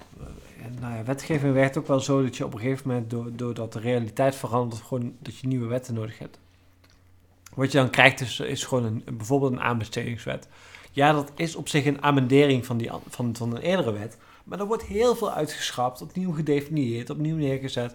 Zodat je bouwt wel voorop, maar het schrappen is een stuk makkelijker dan bij bijvoorbeeld eh, IT. Juist omdat je van elk onderdeel precies weet wat de functie is. Wat, je niet precies weet als je de nieuwe wet is, wat de nieuwe jurisprudentie wordt. Omdat je hele nieuwe, je kunt gewoon niet terugvallen op die, op die oude jurisprudentie. Ehm tenzij die eh soort van vastleggen. Maar nee, dus volgens mij valt dat eigenlijk wel mee, zou ik willen zeggen. Ja, en, en toch heel veel van die mazen die je tegenkomt, waar dat soort bedrijven gebruik van maken, niet alleen in Nederland ook, maar wereldwijd, maar heeft vaak te maken met, met, met best wel oude wetgeving. Hmm. ehm, Ja, dat zeker. Maar waar, men, waar men creatief gebruik van kan maken. Maar, maar wat je dan eigenlijk ziet, is dat eh, wetgeving ehm, best wel moeilijk om kan gaan met technologische veranderingen. Want vaak is, is er wel een soort van technische component, hoe simpel die soms ook is, die Ja. het mogelijk maakt om een bepaalde wet eh, te omzeilen. Ja. Ehm, de Europese Commissie heeft daar, heeft daar wel eens wat tegen geprobeerd. Dat is ook wel een mooi verhaal hoor. Ehm, volgens mij in het verdrag van Lissabon hebben zij gesteld dat ehm, in wetten er een soort van, ja, ze noemen dat een levende wet. Wat je dan krijgt is dat de commissie op een vrij laagdrempelige manier eh, een wet direct mag veranderen. En het parlement heeft dan een soort van reactietijd daarop. En hun controle, dus ze worden genotificeerd daarvan. Maar wat je dan eigenlijk krijgt, is dat de Europese Commissie op vrij korte termijn kan reageren op technologische veranderingen om iets aan te passen of om technische normen aan te passen en zo. Op een gegeven moment leidt dat er natuurlijk toe dat een Europese Commissie van elk moeilijk stukje van de wet zegt van nou, weet je wat, uh, dit laten we lekker open, vullen we wel in. We laten jullie wel weten, heb je er een probleem mee? Dan, uh, dan wordt, ja, dat wordt onmogelijk. Dus als je dat op een gegeven moment loslaat, dan, dan gaat zo'n Europese Commissie gaat gewoon op elk terrein gewoon de dienst uitmaken. Terwijl je als parlement continu erachteraan loopt. En dan moet je wel heel sterk in je schoenen staan. En dat staat het Europese parlement helemaal niet. Om dat allemaal uh, uh, weer te corrigeren. Ja. Oftewel, daar was, was heel veel weerstand tegen. Toch is het wel het geval bij best veel wetten tegenwoordig dat een Europese Commissie, dus een aantal ambtenaren daar, uh, wetten eigenlijk on the fly kunnen veranderen en ja. kunnen reageren op, op technologische verandering. Maar dat is dus een, een reactie vanuit een overheid op een realiteit waarin dit steeds vaker gebeurt. Ja. I, I stand corrected. Uh, nou. dat, dat is dan in ieder geval wat positiever dan hoe ik het begreep. Weet ik niet of het positief is. Het is namelijk democratisch best wel ingewikkeld. Kijk, een wet wordt, wordt en, en de hoofdlijnen van een wet, daar kan dit ook niet bij, maar, maar ja, details. En zeker als we het hebben over dit soort nou, gaming of, of, of, of um, ja, zwakke plekken zoeken eigenlijk. En, ja. en, en, zeker ook als dat ambtenaren zijn die ook vrij makkelijk gelobbyd kunnen worden en zo. Ja. ja er zijn heel veel zwakke plekken uh, die je eigenlijk in een langdurig, uh, robuust democratisch proces er voor een groot deel uit kunt filteren. Ja. Ja. Nou ja, het, het, het, de reden dat ik, dat ik me er ooit eens een keertje voor geïnteresseerd heb, was, uh, was een rechtszaak die, die hier een beetje in Utrecht speelde met uh, Mininova hm.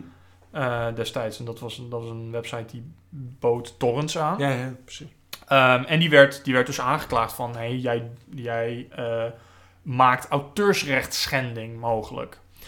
Um, alleen het het tegenargument dat zij voerden, en ik geloof Arnoud Engelfried was er destijds ook bij betrokken, zeiden van ja, maar op een zuiver technische basis gebeurde dat dus niet vanwege de technologie die gebruikt was. Want het was niet zo dat jij rechtstreeks iets kon downloaden daar. Het was meer dat zij een bestand aanboden waardoor jij mensen kon vinden die het bestand ter download aanboden ja. dat jij wou hebben. Dus Arnoud Engelfried is? Uh, is een uh, bekende ICT-advocaat okay. Uh, uit mijn hoofd. Uh, mogelijk dat ik de naam verkeerd heb. Het is eerder gebeurd. Maar dat, dan hoor je dan volgende aflevering weer.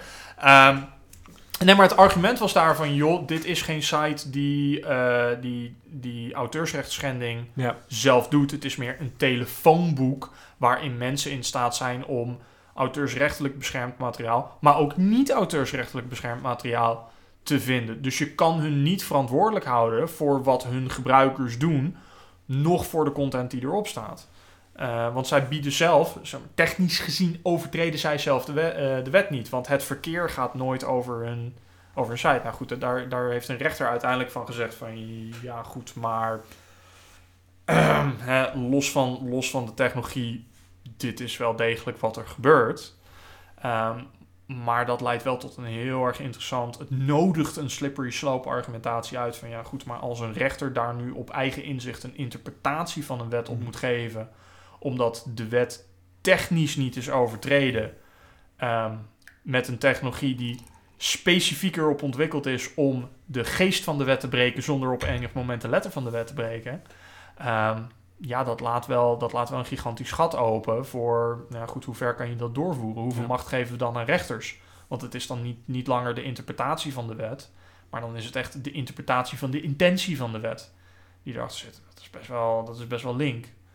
Um, uh, ja, maar, je, maar, maar, je ziet, hè, in, in het geval van Mininova destijds past, pakt het niet in hun voordeel uit.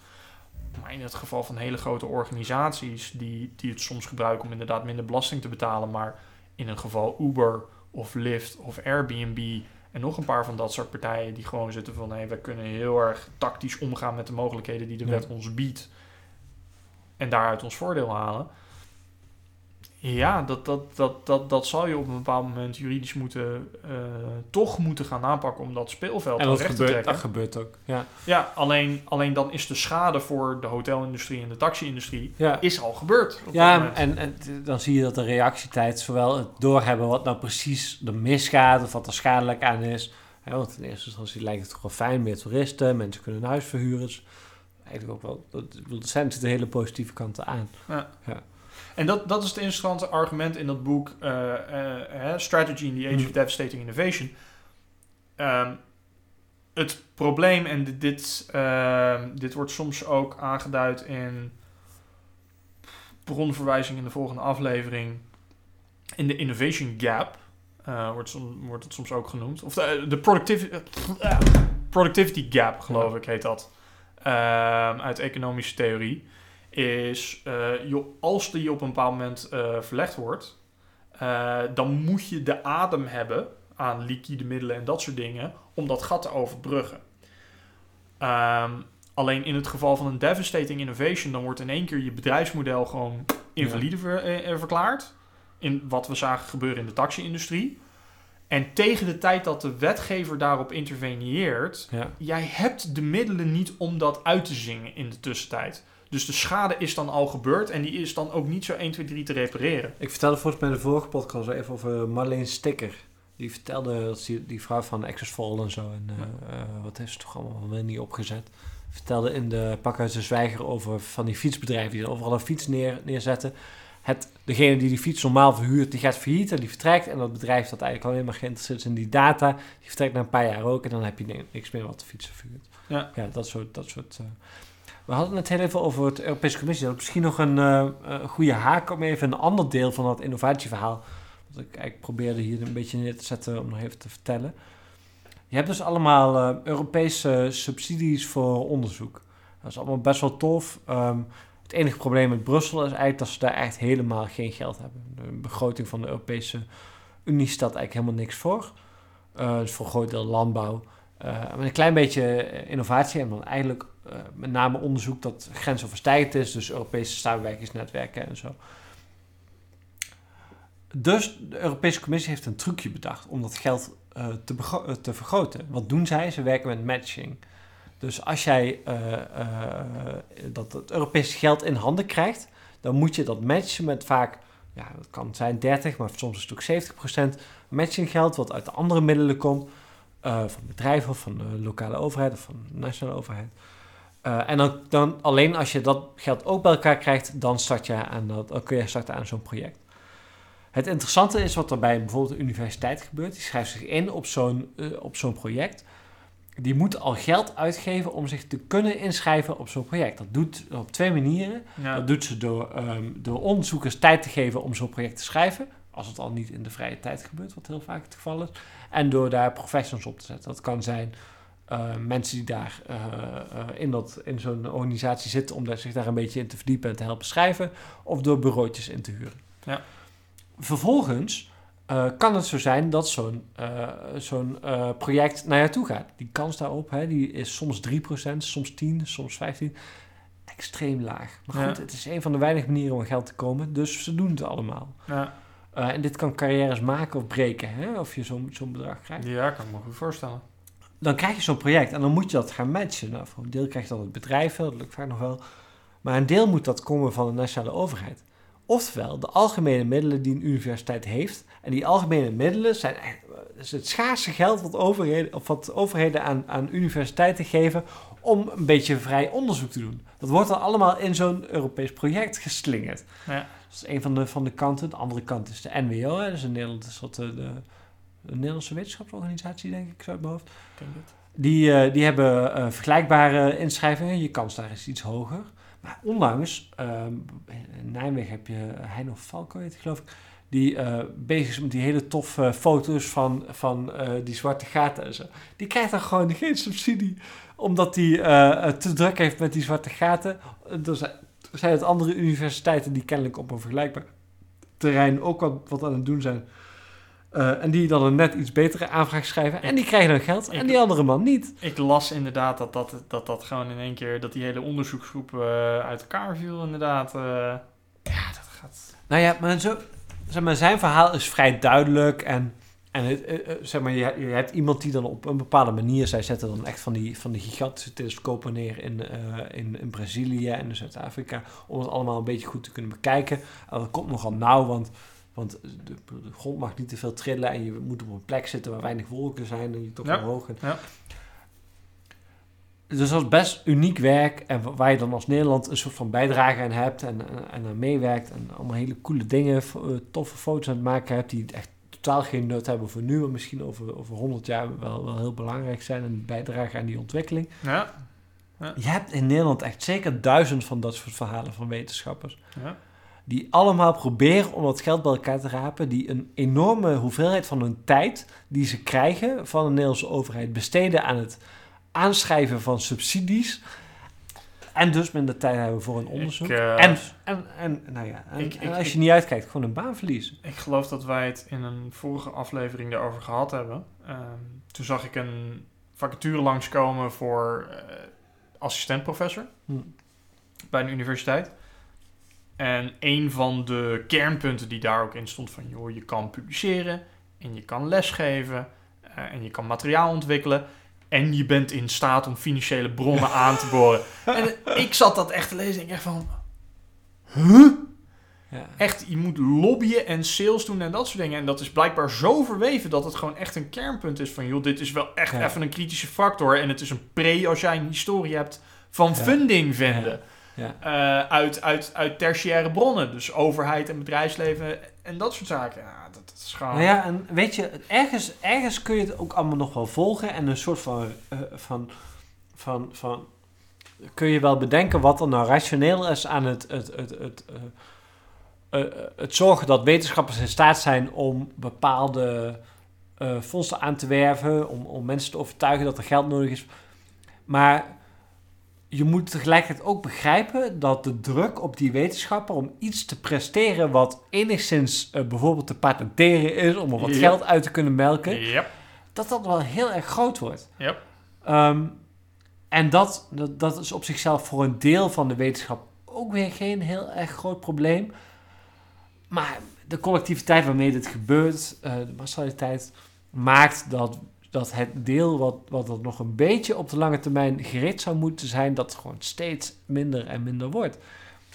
En nou, het is wel heel moeilijk om die link heel direct te leggen, maar deze ontwikkeling, gecombineerd met het feit dat onze productiviteit op de lange termijn gewoon aan het afnemen is. Ook, ook daar weer... Ja, dat- klopt, maar dat geldt van vroeger ook. Dus, de, dus, dus, dus dat is ook nog wel ingewikkeld. Maar Het ligt er heel aan hoe je dat soort dingen wil definiëren. Eh, ja, ik, eh, hm, ik zie daar wel een connectie, laat ik het zo zeggen. ja. Goed, dat was even mijn rant over, eh, over fundamenteel onderzoek. We weten hoe belangrijk het is, we geven er veel te weinig geld aan uit. We geven er te weinig geld aan uit en we hebben er te veel hoepels aan gehangen. En tegelijkertijd zie je... ehm, hè, en, dat, en dat was wel... ehm, eh, want, want ik heb wel... Ik heb wel het een en ander... Ik ging ook weer even terug mijn eigen recollectie aan van... joh, welke, welke fundamentele veranderingen zien we nou echt terugkomen? En inderdaad, een flink gedeelte daarvan kan ik vanuit de overheid terugzien. Ehm, aan de andere kant, er zijn bedrijven geweest... en er zijn nog steeds bedrijven die echt wel best wel fundamentele researchcentra neerzetten. Zeker. Ehm, waar, ze, waar ze dan vervolgens later naar gaan kijken van... joh, kunnen we dat, kunnen we dat nog een beetje vermarkten? Daar is zelfs... Ik, ik doe heel af en toe wat met bedrijfsstrategie-sessies... en een van de bedrijfsvormen die je, die je kan hanteren... is, is inderdaad een R&D-traject... waarin je eh, ook wel uitgeeft van... joh, jij gaat gewoon 70% van je budget uitgeven aan onderzoek... Ehm, hopelijk met de uitkomst dat een, dat een van die dingen gaat lopen. Nou, eh, voorbeelden uit het verleden. Xerox heeft een heel bekende researchgroep gehad. Hè, het Palo Alto Research Center. Xerox Park. Daar zijn dingen als de grafische interface en de muis en de dubbelklik en dat soort dingen uit voortgekomen. Eh, Apple heeft daar, eh, of Steve Jobs heeft daar ooit een tour gehad. Het is heel, heel bekend dat hij daar dingen uit heeft, heeft opgestoken. Heel veel van de Sun mensen hebben daar ook, zijn daar ook, ooit vandaan gekomen. Wacht daar- even, hè. Kijk, als je, tegen, als je het over Sun hebt, dan denk ik gelijk aan de socialistische uitgeverij Nijmegen. Maar wat is een Sun? eh? Sun Microsystems. Dat is waar, waar die Java ooit ontwikkeld hebben. Ehm, heel innovatief bedrijf.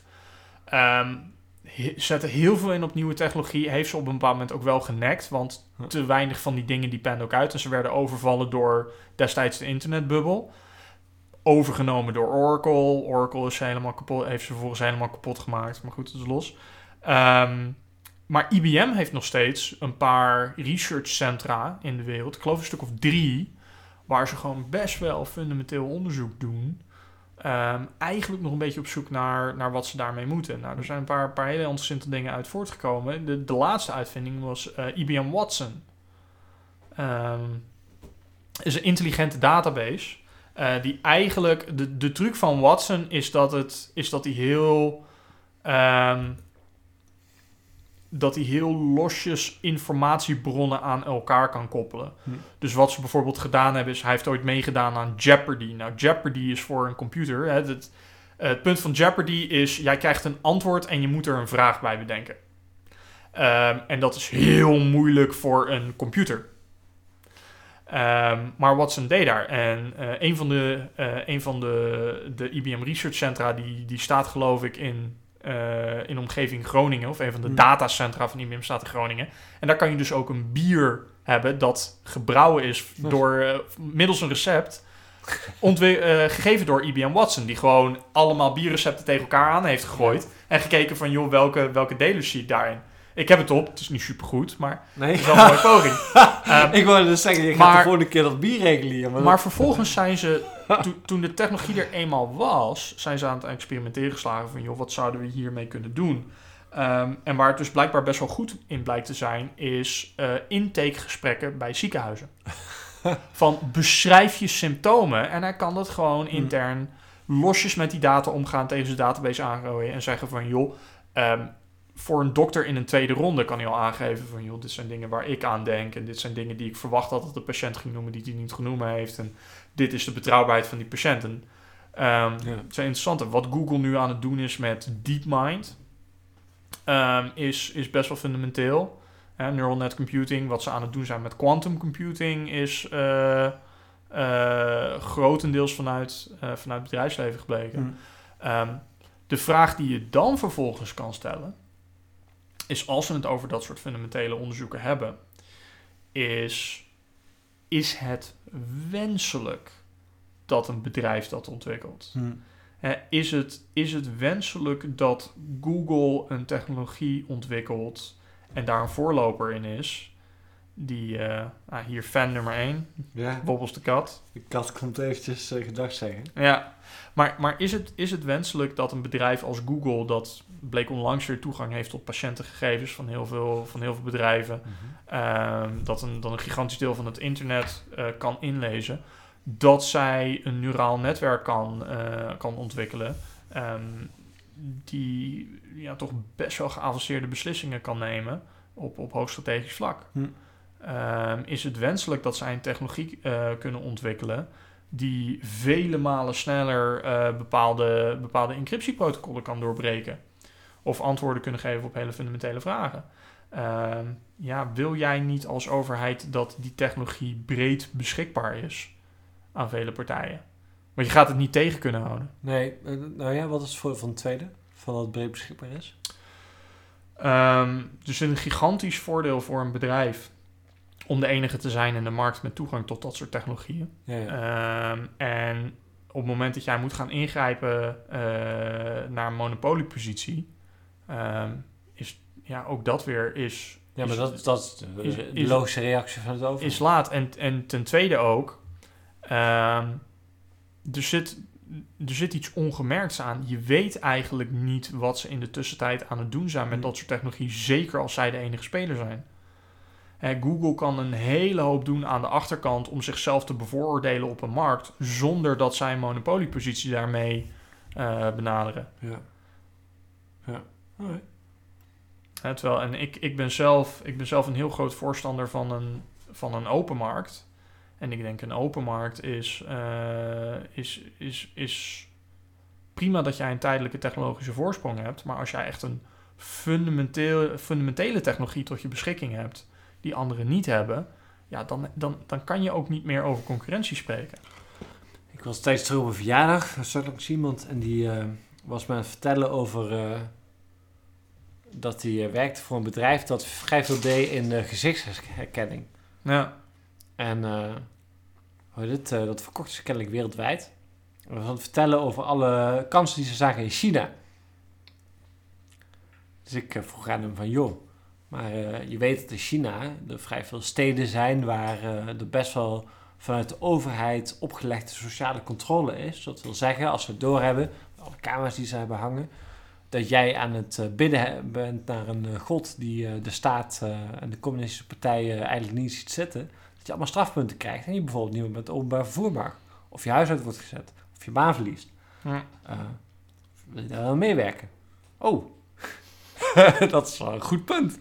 ja. Ik moet daar hierbij ook een beetje aan denken. Van ja, ehm, het interessant is als het wordt vrijgegeven, maar aan de andere kant, als je het vrijgeeft, geeft het ook vrij aan iedereen.